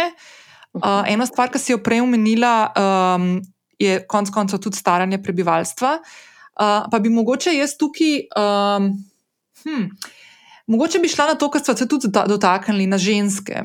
Zdaj, ena stvar, ki se je letos pojavila, čisto za ljudi, ki mogoče so poslušali, pa so spremljali tudi letos malo medije, pa to je bila ena zanimiva novica, ki je prišla iz Španije. In sicer, da so v Španiji letos uzakonili dva dodatna delovna, delo, dela bol, dneva bolniške, ukolikor ženska to potrebuje zaradi bolečih menstruacij. Ne? Jaz uh, sem bila fulj vesela, ker sem to videla, pa nisem, nisem ženska, ki bi imela s tem velike težave, razen parkrat v življenju, da sem ugotovila, da to res obstaja in da je res to grozen, ker se ti to zgodi. Si ne predstavljam to imeti vsak mesec. Verjamem pa, da ženskam, ki imajo s tem težave, pa, pa mogoče se tukaj lahko dotaknejo potem tudi menopauze, uh, ki imajo s tem težave, oziroma ki nas to čaka v ne tako oddaljeni prihodnosti, da to lahko zelo, zelo veliko pripomore k temu, da se počutiš. Um, udobneje in si pre, predvsem bolj zadovoljen lahko pri svojem delodajalcu z delom, ki ga upravljaš, bolj učinkovit, lojalen, kot si rekel, in tako naprej. Um, kako ti to komentiraš, pa predvsem tako mogoče tudi. V katero smer se še stvari, mogoče v tujini, odvijajo, ker meni se zdi, da pri nas te stvari so še vedno tako zelo neutepljive, ne, sploh kakšne take. Ne vem, kaj bi se zgodilo na Twitterju, če bi se zgodilo, da naša vlada v zakoni dva dodatna dela, del, delovna dneva za ženske, bolniške zaradi menstruacije, kaj bi se zgodilo. Ne. Ampak um, kako ti to komentiraš, pa mogoče še kakšen primer ali pa. A se spomniš ti um, enega slavnega psihiatra, ne spomnim se njegovega imena Slovenc, ki je pred leti rekel, da je ženska vsaj dva dni ali pa celo več uh, na mesec popolnoma neuporabna. Uh, in mislim, da je s tem na nek način, uh, sicer je sprožil veliko afero in polemiko, ne, ampak je na nek način uh, samo vokaliziral misli številnih poprečnih mhm. umov v tej, v tej državi. Ne. Mhm. In uh, kaj, se, kaj se dogaja, je, da ženske. Torej, da živimo neko realnost, uh, ki je nekje med družbeno idealizacijo ženske, zlasti matere, ne, uh, in, in uh, demonizacijo žensk. In tukaj, če, če smem, ne, mislim ženske vsej naši raznolikosti, torej ne samo uh, biološke ženske, ne, ampak um, tudi vse ostale, ki se. Uh, Uh, torej, ženske vsej naši raznolikosti, in uh, recimo, vse ženske, torej eh, v tej skupini, ne, imamo uh, specifično, specifično, kako bi se zdaj lepo izrazila. Skratka, reproduktivno zdravje je tisto, ki nas na nek način posebej določa ne, in, in, in nas določa kot posebno skupino zaposlenih. Uh, in reproduktivno zdravje je, torej reproduktivno zdravje in, in, in spolno zdravje, ne, ni torej vezano samo in izključno na, na biološko uh, nalogo, ki nam je dana, ne, torej materinstvo, uh, ampak tudi na, na, na vse ostalo. In um, resni, v resnici ne, gre, za, gre za biološka stanja, ki jih jaz recimo. Um, uh, povezujem z ostalimi, recimo, energy limiting conditions, o katerih smo se že pogovarjali, ne, recimo postviralnih obolenjih in tako naprej. Vsa imajo biološko osnovo, skratka, niso nastala v psihi nekih žensk, ne, uh, mhm. kot nam radi uh, rečejo, ne, histerične ženske, ki, ki živimo v utvari, um, uh, ampak gre za biološke procese v naših telesih. In um, če pogledamo eno krasno, recimo, maslovo uh, hierarhijo potreb, ne, je pač. Uh, prva je ta hierarhija os, osnovna potreba, ne, uh, življenjska potreba. In če, tvoje, če tvoje telo ne funkcionira, uh, ti enostavno ne moreš biti produktiven. To ve vsak človek, ki je kadarkoli v življenju bil bolan. Uh, tudi, recimo, vsak moški, ki je kdaj imel gripo, ve, da če imaš ti pač ne, navadno gripo, tudi ne moreš čist normalno funkcionirati. Um, in ignoranca tega uh, problema uh, je v Sloveniji na nek način močno utrjevana tudi zaradi tega, ker smo tudi ženske, Petri Klepci in Martini Karpani. Jaz se zdaj ne spomnim ženskega lika ne, iz slovenske uh, mitologije, pa bi mi mogoče kdo znal povedati. Um, ampak ženske na nek način skrivamo to. Uh, prvič zaradi tega, ker je to neke vrste sramota, ker je to stigma, ne, da imamo kakršne koli težave z reproduktivnim zdravjem. Ampak, če izpostavijo, ne, ne gre samo za menstruacijo, ne gre samo za menopauzo in vse njene uh, različne oblike, um, gre recimo tudi za um, poskuse zanositve, umetne, uh, umetne oploditve, uh, ki se v resnici tičejo dveh, ne, ampak je samo ena v paru, uh, pogosto ne, tista, ki, ki, ki potem doživlja uh, procese stigmatizacije uh, na delovnem mestu. In, um, Zelo pomembno vlogo pri tem imajo kulturni dejavniki. In v Sloveniji se mi zdi, ne, da, da, da je vse, kar je povezano z reproduktivnim zdravjem, zlasti pa menstruacija, pa, pa menopauza, ne, sta tabuja. In um, recimo eden od takih tabujev je tudi uh, intimno življenje uh, parov. Ne, um, vseh njihovih raznolikostih, spet, da ne bo, da ne bo pomotene. Uh, eh, naprimer, so ločene spalnice. Mi smo z Oxfordom delali eno raziskavo in smo začeli res tako z spalnimi navadami, potem smo pa ugotovili, uh, da nas mogoče še bolj kot spalne navade parov zanimajo uh, pari, kjer ženske prehajajo torej iz ene faze v drugo, ne, skratka te od perimenopauze do postmenopauze uh, in ugotovili, kako pragmatični, racionalni postajajo uh, pari. Um, tudi naprimer s tem, da uh, ženska v perimenopauzi in menopauzi uh, doživlja temperaturo povsem drugače. In praviloma v tistem času, recimo, začne uh, moške celo nekoliko bolj zepst, pa ne vem, je to psihološki učinek, ne mislim, še našla neke resne raziskave na to temo. Skratka, ko se ženski pečica uh, dvigne, ne, se moškemu spusti. Um, no, okay, zdaj pa to tako malo čudno sliši. Ne, se vem, samo čudno, te oklopa. Um, in in tle, ne, zelo težko, zdaj si pa ti predstavljaj, ne, ist, isto, ne, ti, ti ne moreš svojega telesa pustiti mm. doma. Prideš v pisarno, si deliš pisarno s dvema, tremi, štirimi ljudmi, ki imajo temperaturo uh, naštimano na čist drugačne ne, vatle. En, en ga zebe, en mu je vroče, en bo umrl od vročine, se bo v nesvest od vročine in tako naprej. Ne. Mm. In v Sloveniji je zelo pogost ta, uh, pojav zasmehovanja, posmehovanja, uh, zlasti, ko vidiš žensko, ki je zunaj minus deset, ne, v pisarni z vem, majčko na, na, na špagete. Um, in to so, to so zadeve, ki so v povprečnem britanskem delovnem okolju, pa švedskem, postale popolnoma nespremljive. O tem se na tak način, prvi se ne zasmehuje, se o tem ne, ne govori na tak način. Um, osebe, ki imajo kakršne koli biološke težave, dobijo ustrezno podporo um, v. Ko bi se zdaj temu reklo, medicini dela, ne, ki je organizirana na ravni delodajalca, uh, temperature se lahko spremenijo, uh, lahko se poišče posebno pisarno, recimo za, za osebo, ki je neizmerno vročene, in tako naprej. In, um, lahko recimo ženske zaprosijo za delo uh, od doma, ko so težave hude, se reorganizira skratka ta proces. Um, Delovne skupine, recimo, o katerih redkeje govorimo, so naprimer gasilke, policistke. Um, Tle pa ključno, ne, naprimer, da njihovi delodajalci razumejo. Jaz sem gledala slovenske uniforme uh, v policiji, to je čista sintetika. Zdaj mi pa povej, kako naj ženska, ki, ki ne more uravnavati telesne temperature, uh, hodi okrog z sintetično majico. Um, in veš, lahko nastane toplotni udar in tako naprej. To so resne zadeve, ki jih Slovenija na nek način ignorira, ali pa poprečna Slovenija ignorira. Uh mhm. -huh. In um, to je. To je velik, velik problem in, in um, tabu. Ampak ena stvar, ki bi jo izpostavila, ne samo, ne, da več kot polovica uh, oseb na, na, na, na delovnem mestu um, ima menstruacijo enkrat na mesec, gre za biološko mhm. dejstvo, če, če se nam gre toliko za materinstvo, ne moramo drugače, da imamo menstruacijo. Ne? Ampak tudi osebe v menopauzi so najhitreje raztoča demografska skupina na trgu dela.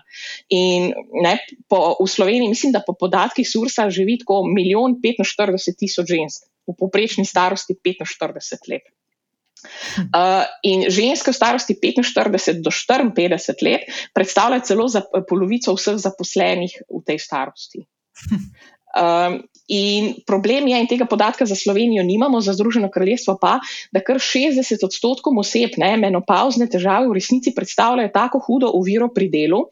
Uh, Ker ni zmožnosti prilagoditve ali pa izbire zdravega delovnega okolja, da prečasno zapuščajo trg dela.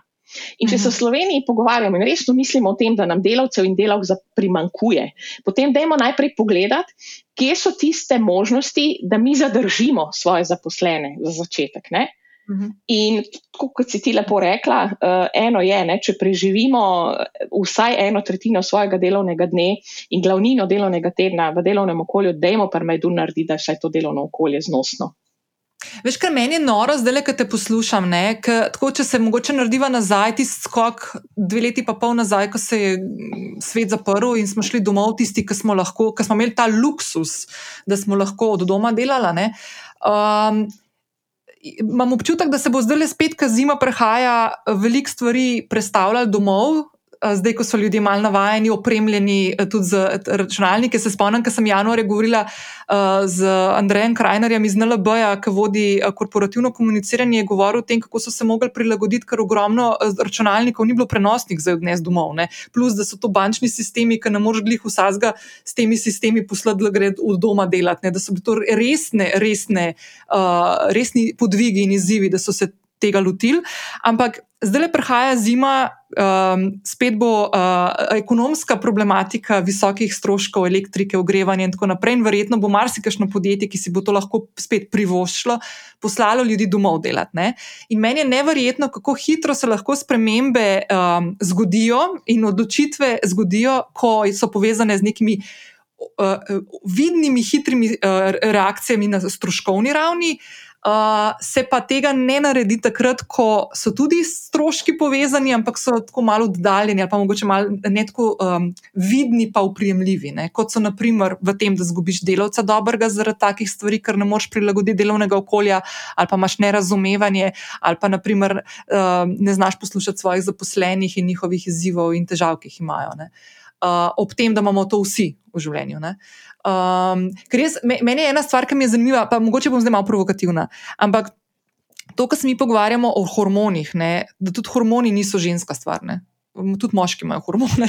Da, ja. uh, meni je blazno fascinantno, ne, da se ne pogovarjamo o tem, da uh, ni ženska histerična, zato ker na neki nima vpliva, ampak se tudi moškim to dogaja, uh, pa tega ne obesedimo na tak način. Boh, boh ne da, da bi to začel tako obesedovati. Ampak, uh, um, veš, kaj sem te hotla še, uh, da ti bom dala kar besedo, da nam sam jaz govorila. Ampak uh, še ena stvar, ki se je letos zgodila, ne, letos poleti, ki smo bili vsi uh, zelo vključeni v to, je bilo izredno vroče poletje podjetje, uh, na kar se bomo mogli tudi navaditi. Ne? Tako da tle govorimo o ena stvar, ki smo jo danes omenili, so delovniki, kako so dolgi in kakšno vpliv imajo na, učin na učinkovitost, oziroma na storilnost, na produktivnost. Pa smo tukaj že malo omenili ženske, uh, pa hormone, pa bomo dali še moške zraven, ki imajo tudi te težave, pa se mogoče ne zavedajo toliko. Staranje prebivalstva so omenili. Eno je pa tudi podnebne spremembe. Ne? In kako bomo mi sploh delali, če bomo imeli take spremembe v, v podnebju? Ali bomo sploh lahko še polet delali čez dan? Ne? Ti bom odgovorila nekoliko drugače in sicer z enim zelo plastičnim primerom. Uh, namreč na švedski sem nekaj let živela, povsem na severu švedske, tako vedno rečem, za noh stran od arktičnega kroga, uh, kjer ker sem recimo morda prvič dobila občutek, kaj pomeni fraza živeti v ritmu ali pa z naravo, ne z ritmom narave. In kaj so naredili švedi, ki jih je narava prisilila v to, da, živi, da, da prepoznajo neke naravne cikle. Namreč um, za tiste, ki ne veste, ne, Umejo je res skoraj povsem na severu Švedske, blizu norveške meje. Um, Ki ima polnočno sonce in ki ima, seveda, 24-urno eh, temo. Ne? Ampak ta 24-urna tema uh, ni 24-urna, vmes imaš dvourno okno uh, svetlobe, ki ni zelo svetla, by the way. Ne? In kaj se zgodi? Um, ko imaš ti tak naravni cikl, ki je tako grob, ne, ki tako grobo poseže v, v, v organizacijo del, dneva, uh, pomeni, da v pisarni praviloma med prvo in tretjo uro popovdne ne boš našel nobenega šveda, ker je to tisto okno, ki, ki, ki imaš malo sonca, ne, mislim, malo svetlobe. Skratka, se je delo že reorganiziralo, zato da ljudje dobijo dovolj vitamina D, uh, da, da sploh dobijo malo tega, pač, uh, ne, tudi, tudi malo. Um, voljo do življenja. to, to. Um, druga stvar, ne, ki se je zgodila, je ta, da je tisto polnočno sonce zelo kratko, torej traja tam nekje od konca maja, pa nekje do konca julija, odvisno kako hitro nastopi jesen, avgusta. Uh, kar pomeni, da švedov od junija do konca julija ni pisarni. Uh -huh. uh, In recimo, jaz, ki sem se preselila na Švedsko, mi seveda ni nihče povedal, da je na Švedski pač dopust junija in julija in jaz butl, ne pač, veš, prideš, ne, se sem že prej živela v drugih državah, pač vedno, vedno je bil dopust nekje avgusta in tako, ne, akademsko leto tako organizirano in se seveda jaz tudi tako organiziram. In pridem junija v službo in nikjer nikogar, ok, kaj zdaj, ne, kje so ljudje, mi pač povejo, ja, mi gremo na dopust, ne. Uh, In v resnici se avgusta vsi vrnejo, in švedi nikoli niso razumeli, zakaj je recimo Bruselj avgusta na dopustu. Um, ker so pač oni nazaj. Veš, narava pač le tako poskrbi. Ne? Skratka, nekako dolgo vprašanje na to, da uh, je ključno, da mo mogoče glavni oblikovalci javnega mnenja prepoznajo neke določene spremembe, jih znajo besediti in jih predstavijo kot tako pomembno tranzicijo, da se sprožijo, uh, začnejo sprožati procesi uh, prilagajanja. In um, eden od takih, recimo, zakaj, zakaj poletne vročine niso za Slovenijo tako problematične, je ta, da ima Slovenija že, tra, že tradicionalno takrat sezono dopustov. Mhm. Uh, šole se v Sloveniji uh, zaključijo nekje konec junija, do konca junija je še nekaj znosna temperatura. Recimo v UK smo letos morali uh, osnovne šole zapirati prej, ker se enostavno ni dalo več preživeti. Ne. To bo definitivno bo to bolj relevantno za UK, ki ni, ni vajena takih ekstremnih temperatur. Ne. Slovenija je na tej točki nekoliko prednosti, ker imamo toliko različnih podnebi, da smo tudi navajeni na nek način na nekoliko ostrejše prehode med, med um, uh, ekstremnimi temperaturami, seveda ne do te mere, kakršne imamo zdaj.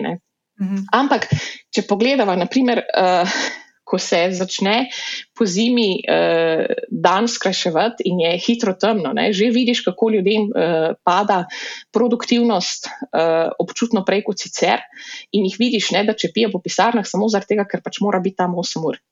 A ne bi bilo mnogo boljše, če bi uh, recimo takrat zaposlen, imel, mislim, delodajalec imel možnost uh, in rekel, skrajšamo uh, in v tistem času, ki ga imate, pač boste malo bolj produktivni. Uh, ampak um, tega elementa trajnostno naravnanih delovnih okolij, ne pa s tem povezanih politik, pa ukrepov kot kazalnih progresivnosti, pa neke korporativne družbene odgovornosti, jaz v Sloveniji ne vidim. In um, dokler ne bo kritične mase, ki odpira te, uh, ta vprašanja, ne, to ne bo prepoznano kot neka velika tema. Mhm. Um, Bi pa, Nina, če dovoliš, ne, eno od takih vprašanj je točno to, kar si rekla, ne, ta bottom line. Podjetje bo naredilo vse, kar lahko, da zadrži svojo gospodarsko rast, kako je to uspešnost, kako je to meriš. Ne. Pozablja pa, da je ključni element doseganja uspešnosti podjetja kader. In um, če ti investiraš zgolj v svoj bottom line, pozabljaš pa pri tem, da je vir tvojega bottom line tvoj kader ne, in pozabljaš na, njihov, uh, na njihovo duševno zdravje, na njihovo vključenost, na njihovo udobje. Um, pomeni, uh, da tudi tvoja gospodarska rast in uspešnost in tako naprej niso vzdržne. Mhm. In najboljši delodajalci so tisti, ki prepoznajo, da pač njihovo delovno silo sestavljajo raznolike posameznice in posamezniki uh, in poskušajo na nek način uh, prilagajati delovne procese. Mhm. Mislim, ker tle se ti hitro lahko zgodijo razno razne stvari, ki jih zdaj opazujemo in so postale tako že mal mainstream v medijih, naprimer uh, quiet quitting in podobne stvari. Um, ali pa kaj je bilo v, v Ameriki zdaj v času COVID-a, ta The Big Quit. Uh, meni je ena stvar, ki je zanimiva, to, ker naprimer ne vem, je Slovenija tako, tako manjša in, in je nikakor nikoli ne zajamejo v te večje raziskave, ki se delajo na globalni ravni. Ampak, naprimer, meni je bilo zelo fascinantno poslušati, kako so oziroma dobiti občutek, naprimer v Ameriki, ki velja za državo, kjer je delo uh, postavljeno pred vse ostale stvari, najbolj pomembna stvar, ne, je en full velik shift se zgodil ne, v času COVID-a, da so ljudje v bistvu ugotovili, da so druge stvari v življenju. Vsaj toliko pomembne kot delo, če ne tudi bolj pomembne, in se je zgodil full, full preobrat v družbi. Um, in men, jaz imam občutek v Sloveniji, da vsem med temi ljudmi, ki jih jaz tako spremljam, pa tako, da mogoče ta, to zavedanje je, ampak še vedno je pa um, v družbi tretirano, kot da so to ljudje, ki so delomrzni ali pa lenobni, ali pa, pa tudi mimo grede zelo nobo, načni narobe. By the way, tudi fajn je imeti pa dolg čas, sam tok. Ampak ja, um, se mi zdi tako, da to še ni tega preboja se zgodilo, no? da, bi se, um, da bi šlo malo vzgor, da bi se odločevalci um, zavedali tega. Veš, kaj bi sam povedala, še eno stvar. Mislim, da tri leta nazaj, ali pa štiri, je nagrado za menedžerja leta dobil nekdani predsednik, oziroma kar je to avstala, nekdani predsednik uprave Petrola. Uh, Tomaš ali Matjaš Brločnik, meni se zdi, ki je ob tem, ko je prejel nagrado, uh, bom zdaj parafrazirala, ne bom povedala čist direktno, kaj je povedal, ampak jaz sem skočila v luft. Rekl je, da ta nagrada uh, je za vse delavce in delavke v Petrolu, da so si to oni zaslužili, ne on, lepo, super, ampak ne, ki so se odrekali svojemu življenju za dobrobit tega podjetja v tem smislu. Ne. In sem si jaz mislila takrat. Super, ne, da menedžer leta, ki bo v očeh mladih menedžerjev, ki prihajajo na trg, vzornik, ne, uh, da tako lepo uh, gesto, da je življenje, ki ga imaš izven podjetja, totalno nepomembno in totalno nepomembno, kaj se ti sicer dogaja kot človeku, ki je multiplastno bitje.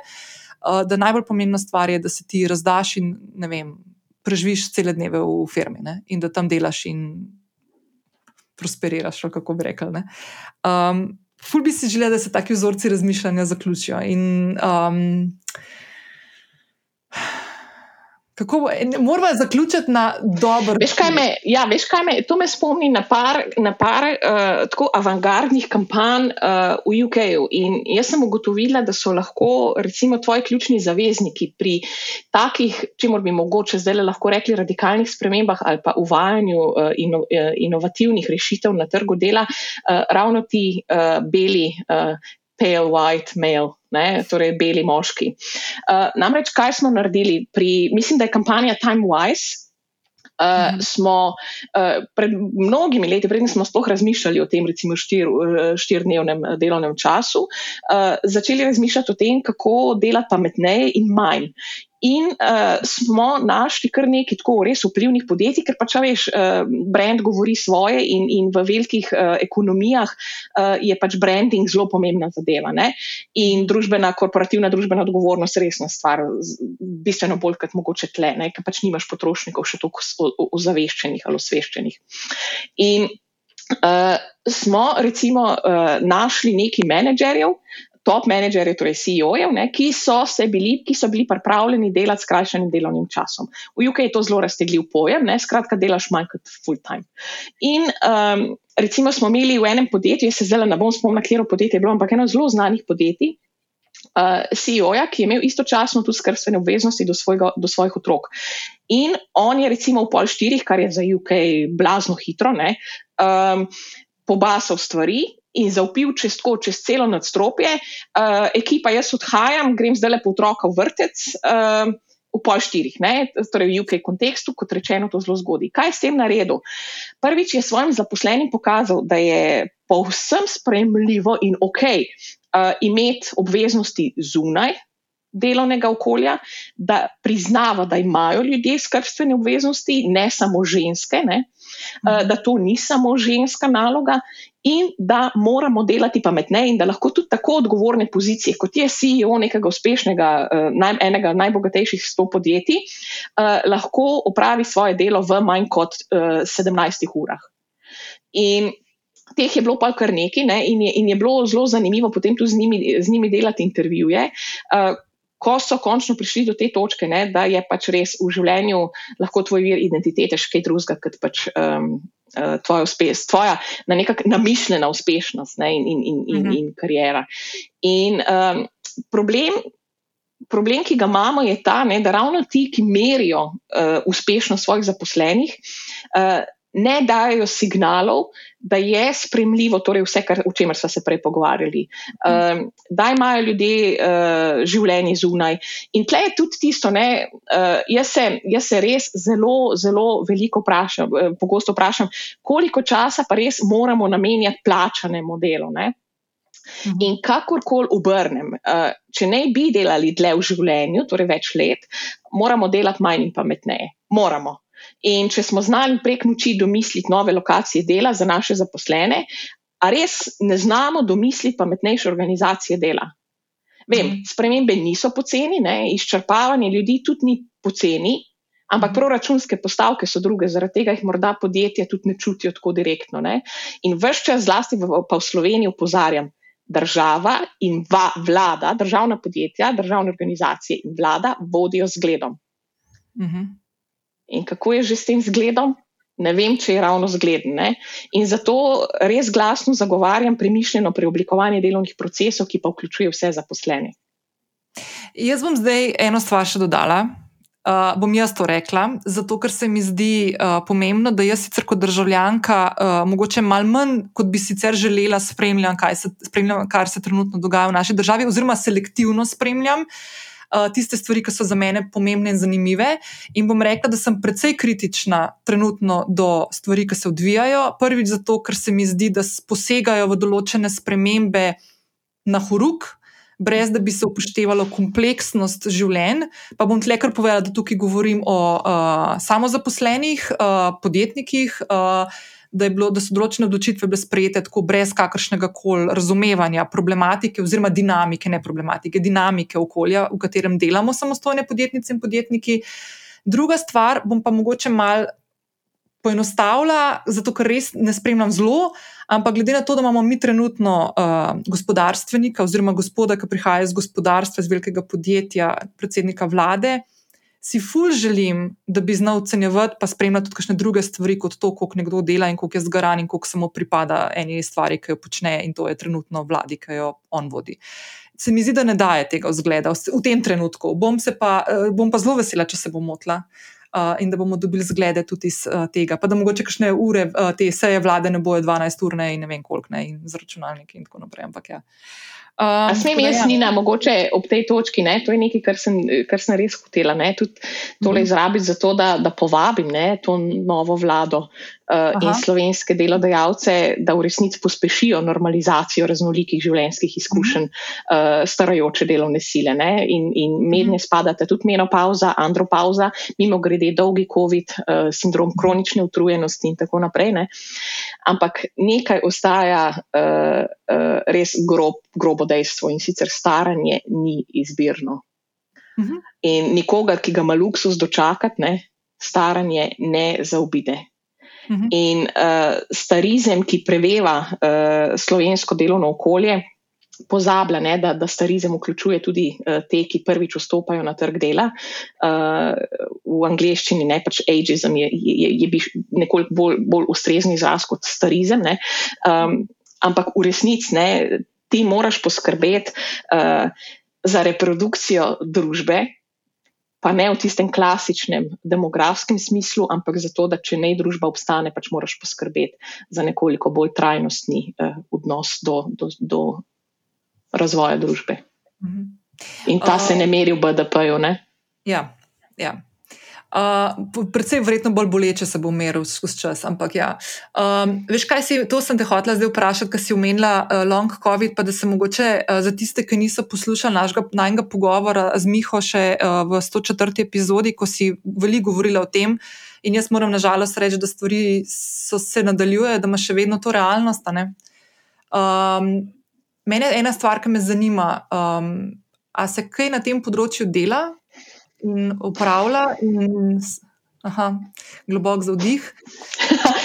ja, Stvari uh, še vedno zelo v zraku in nedorečene. Uh, Slovenija, jaz ne vem, kaj je Slovenija, da mora biti pri nekaterih stvarih vedno tako zelo počasna, pa vedno ta zadnja.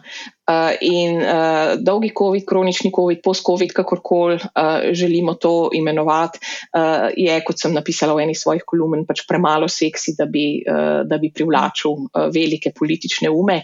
In uh, žal ne so slovenski politiki tisti, ki prevajajo znanstvena spoznanja v konkretne politike in življenjske izkušnje posameznic in posameznikov. Uh, znanstvena proizvodnja na temo dolgega COVID-a po Sloveniji, nažalost, tudi ne obstaja. Tako da um, NIEZ, sicer objektivno gledano, ima uh, eno delovno skupino, ki se ukvarja prav s vprašanjem dolgega COVID-a, ampak je precej, um, pa me prosim, tle, kar dobesedno vzemte, dolgoročno zastavljena, ker je pač COVID le vendarle dolga stvar.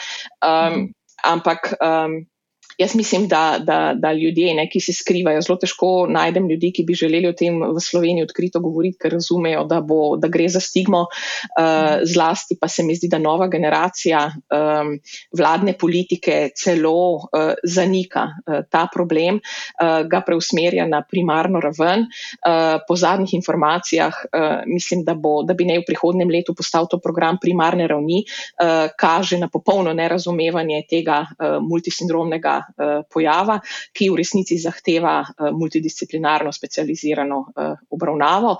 In res močno sočustvujem z svojimi kolegi in kolegicami v Sloveniji, ki so prepuščeni dobri volji in domišljiji precej omejene politične volje.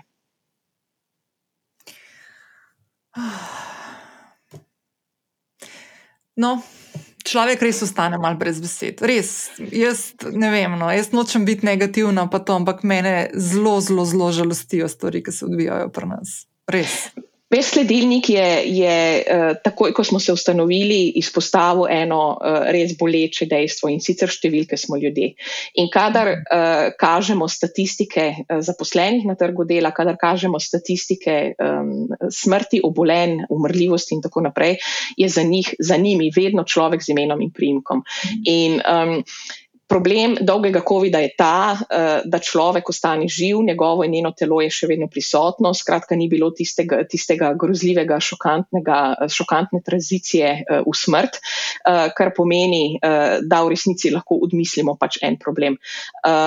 In večkrat izpostavljam in zelo jasno uh, izpostavljam, da uh, je problem dolgega COVID-a in vseh postviralnih obolenj, ne, tudi uh, kolegic in kolegov, ki živijo zapleti po gripah, torej imamo tu dolgo gripo, um, kroničnim sindromom uh, utrujenosti, ki sploh nima recimo ustreznega imena v slovenščini.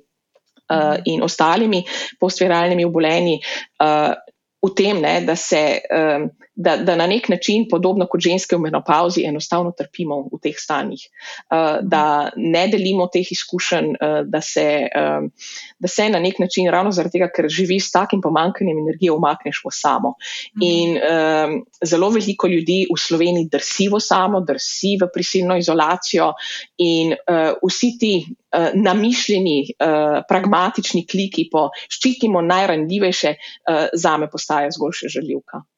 Mhm. In stvar, ki jo recimo lahko iz nekega varnega zavetja Združenega kraljestva pač polagam. Uh, Se ne vem kam, ne, na srce, v glave, usta uh, najnih poslušalk in poslušalcev je, um, dajte se malo zreti okrog, okrog, uh, okrog sebe, pogledajte ljudi in zelo pogosto se vam lahko zgodi, da bo človek, ki, ki morda zgleda najbolje v svojem življenju, torej izredno shujšo in tako naprej, to znak njegove največje nesrečnosti v življenju. Ni nujno namreč uh, telesna manifestacija uh, odraz njenega ali uh, njegovega zdravja in duševnega zdravja. Um, fucking žalostno, res. Um, ne, v bistvu, v bistvu lahko en tak ful lep krok narediva, da um, če bomo hoteli stvari spremeniti, če bomo hoteli narediti uh, svoje najbližje okolje, ali to tvoje delo, življenje, prosti čas, uh, bolj fleksibilen, uh, bolj um, vključujoč, opolnomočen, kako koli bi se temu zdaj rekli, bomo mogli skupaj stopiti. In to velja tudi za vse ostale stvari. Se pravi, če želiš sebi najboljše zdravje, delovno okolje, ki je uh, odprto, ki te spodbuja, in tako naprej, želi to tudi drugemu, uh, bod pozoren na druge uh, in uh, pomagaj v tistem mikrookolju, kjer lahko. Mogoče včasih že samo s tem, da greš na avtobus v službo ali pa iz službe, da si vsem daš masko, čeprav so samo priporočljive. Naprimer. hvala lepa za masko. Res je. Ja. A ne, pa to, a veš tudi to, ne, da, da v resnici vse, kar imamo, ne, je prvič ob volitvah je en glas tisto, kar imamo, ne, zato ga izkoristi. Um, vsa, vsakom, vsakem, uh, vsakodnevnem življenju je pa v resnici ne, vse, kar lahko narediš, tisto, kar lahko spremeniš pri sebi. Pa začni pri sebi um, in mogoče tisto, kar si želiš, ne, točno tako, kot si lepo rekla. Ne, um, kar si želiš pri drugih, da je mogoče začni prakticirati najprej pri sebi. Ker če kritično pogledamo, ne, kako, kako redko to v resnici prakticiramo. Mhm. Ja. Ja. Veliko lažje je biti pameten, pa, pa, pa druge kritizirati na raznih družabnih omrežjih, kot začeti presep. Ampak ja. Ja. Ni zanimivo, ne, kako, smo, kako smo Twitter, uh, uh, Twitter spremenili v, recimo, Slovenija ima zelo razvito gostilniško kulturo. Ne, ampak včasih smo pač hodili v gostilno in tam smo bili, vse smo vedeli, vse smo rešili, si ga si pač rešil, šel domov in to je bilo to. Uh, zdaj imamo pač Twitter za to. Čakaj, ampak oprosti, ko smo bili pri Twitterju. A sem jaz res opazila, da tebe ni na Twitterju? Res je. Kaj se je zgodilo? To sem čisto na mene. To mi je zančer, nekdo mi je rekel zanč na kosilu, da sem rekel, da bomo snemali podcast, da si šla z Twitterja. Izpolnila sem nekaj takega. Veš, že, že, jaz sem šla na Twitter dolgo časa nazaj in od takrat, ko sem šla na Twitter, sem se poslavljala od Twitterja.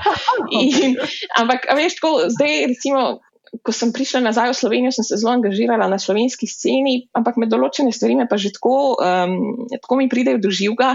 A veš, pozabila sem v vseh teh dveh desetletjih, ko sem bila zunaj, sem pozabila malo, ne, kako je biti v Sloveniji, kaj je slovenska kultura in tako. Zdaj so se me pa določene stvari že začele tako dotikati, da tudi spat nisem več mogla. Ne. In um, veš, kako te neki, jaz nisem človek, ki nekaj vidi, pa pol lahko odvidi to. Uh, Meni se tako, tako se mi uh, prelepi na, na, na možgane in potem prevzame čist prevelik prostor v možganjih. Um, in, in sem pač uh, pritisnila pauzo. In... Mm. Jaz sem pri tebi videla eno stvar, bila, s katero si ti nekako poskušala omejevati te stvari spodaj, ki si imela, da ti ne morejo komentirati, kar vsak na vsak tvitne. In sem se tega tudi jaz enkrat tam polet začela zavedati, da lahko tudi jaz to naredim, ne? ker nisem te funkcije sploh poznala in sem mene parkrat jo pržgala, zato ker je bilo enostavno res tumačne.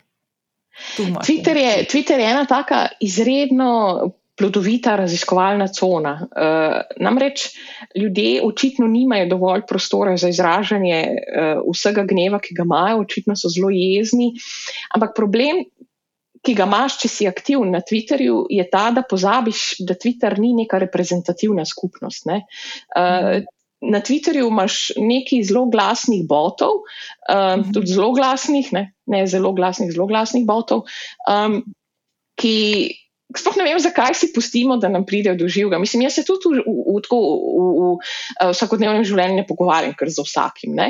Mislim, imam neke selekcijske procese in, in to, da nekdo pričakuje na Twitterju od mene, da se bom pač odzvala, zaradi tega, ker, ker, ker on potrebuje mojo pozornost, um, se mi pač, pač ne zdi ne, smiselno. Ampak jaz nisem imela ene same negativne izkušnje na Twitterju, vsaj ne, vsaj ne vedoč. Ne. Um, tako, um, zelo prijazni ljudje so, so, so, so vstopali na, na, na moj zid, uh, nismo se vedno strinjali, ampak lej, to je real life, se sem vendarle iz akademije. Ampak. Um, Veš, na eni točki tudi taki dobrodelni, eh, dobrohotni nasveti pridejo zelo do živega, ker rečeš, le že dve leti vam razlagam eno stvar, pa mi potem po dveh letih še mhm. vedno eno isto stvar vračate nazaj, bah, no da se mi več. Ja.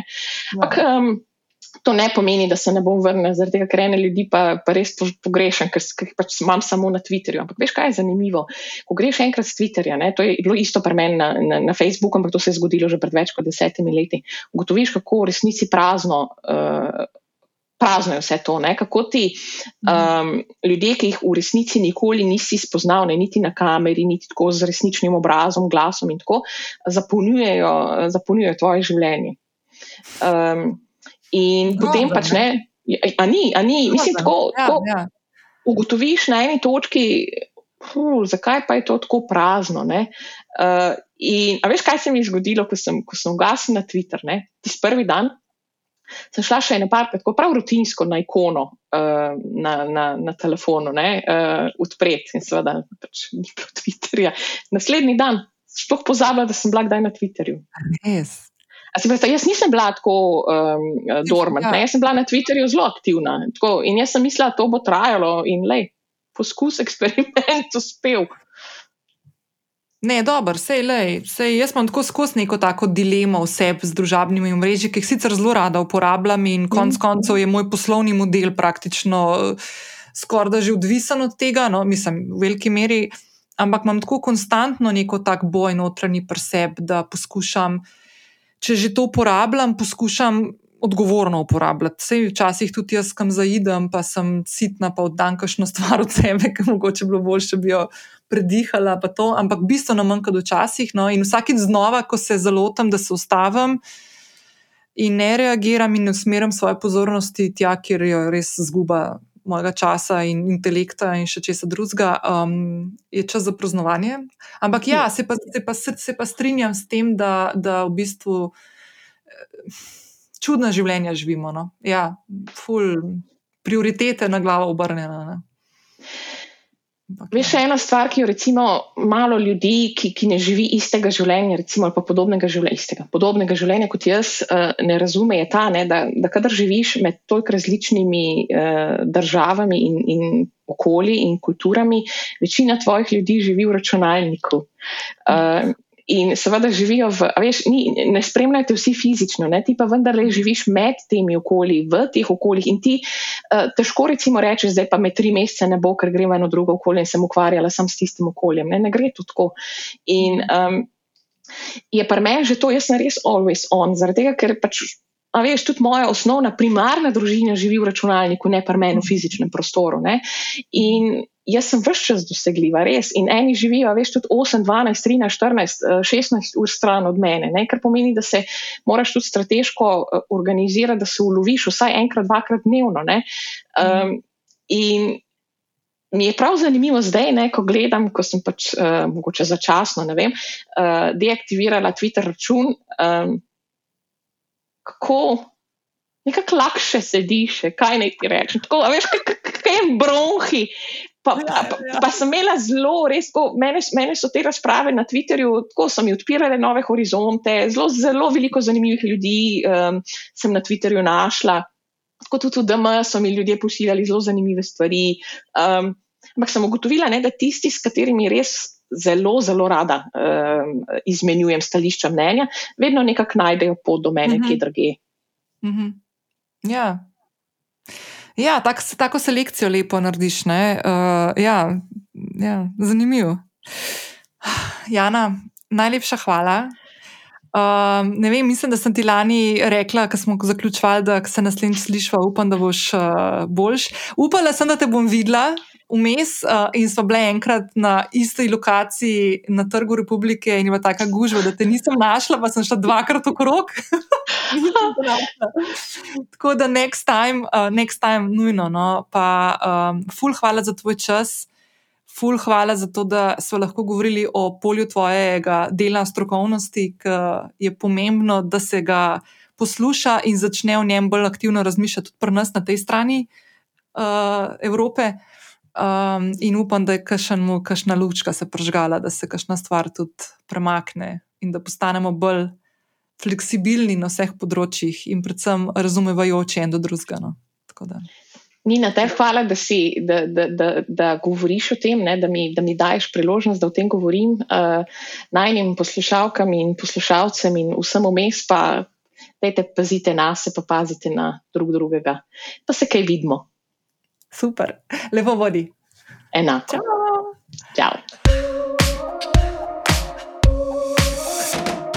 Evo, to je to. Jaz sem blazno vesela, da sem Jano dobila na uh, Zoom oziroma na uh, nadaljavo, da so tole posneli. Uh, prvič zato, ker je krasna sogovornica, drugič zato, ker mi je všeč, um, ker ima res take oprijemljive podatke, raziskave uvide in upoglede v to, kaj se dogaja na kon konkretno na trgu um, dela, oziroma uh, fleksibilnosti dela po različnih državah. Uh, zelo lepo primerja te stvari, velikrat napiše svoje misli tudi v kolumne za različne medije. Mislim, da je v zadnjem času veliko pisala za časnik večer. Um, in je taka uh, krasna sogovornica za odpiranje tem, ki so na konec koncev teme, ki posegajo vsa naša življenja in se mi zdi, da se v njih moramo pogovarjati. In konec koncev s tem razumevanjem teh problematik tudi dvigovati glasove, da bomo zahtevali spremembe na tem področju. Ne na zadnje, se čisto vsak od nas znajde lahko v situaciji, ko delo, ki ga upravlja, oziroma način dela, uh, ki se ga zahteva, uh, ni več način, ki ga lahko sprejmeš, ali pa si ga ne moreš privoščiti, koliko gre za kakšne drugačne stvari, na katere ti nimaš vpliva, naprimer kronične bolezni, um, menopauza in tako naprej. Uh, to so neke take teme, ki me blazno zanimajo, ker konec koncev. Uh, se tudi jaz v življenju počasi že lahko začnem uh, ukvarjati v mislih, vsaj uh, z določenimi novimi realnostmi, in se mi zdi blazno pomembno, da se v teh stvarih naučim kaj, mogoče pripravim, kolikor se lahko pripravim. Um, in konec koncev želim živeti v okolju, ki bo razumevajoče do stvari, ki se dogajajo ne samo ženskam, ampak kot so rekli, zjano tudi moškim. Um, in da je v družbi posluh in razumevanje do teh vprašanj in teh problematik. Um, še eno stvar bom omenila, čist na koncu, za vse tiste, ki ste ostali do konca, oziroma ostale do konca.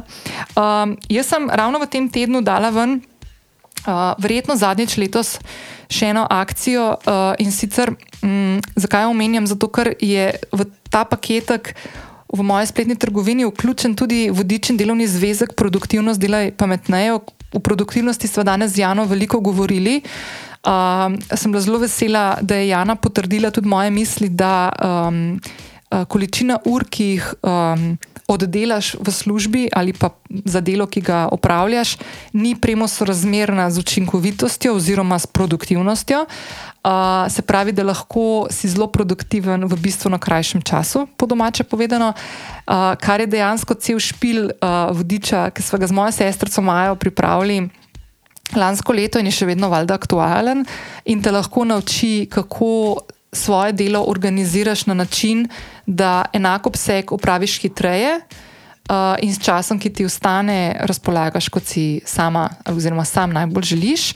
Um, Jaz sem pripravila paket, uh, se pravi, uh, ta delovni zvezek in vodič produktivnost dela pametneje, ti dam brezplačno zraven, k paketu uh, lovim ravnotežje, ki pa vključuje štiri vodiče in delovne zvezke, kako najdeš svoje poslanstvo oziroma svoj zakaj, kako presežeš svoje strahove oziroma omejitvena prepričanja kako se staviš takšne rutine vsakodnevne, ki ti bodo pomagale pri tem, da bdiš nad svojim poslanstvom, nad svojim čustvovanjem, nad svojim razpoloženjem in konec koncev tudi nad produktivnostjo oziroma sistemi za upravljanje časa, ki si jih izoblikuješ sama.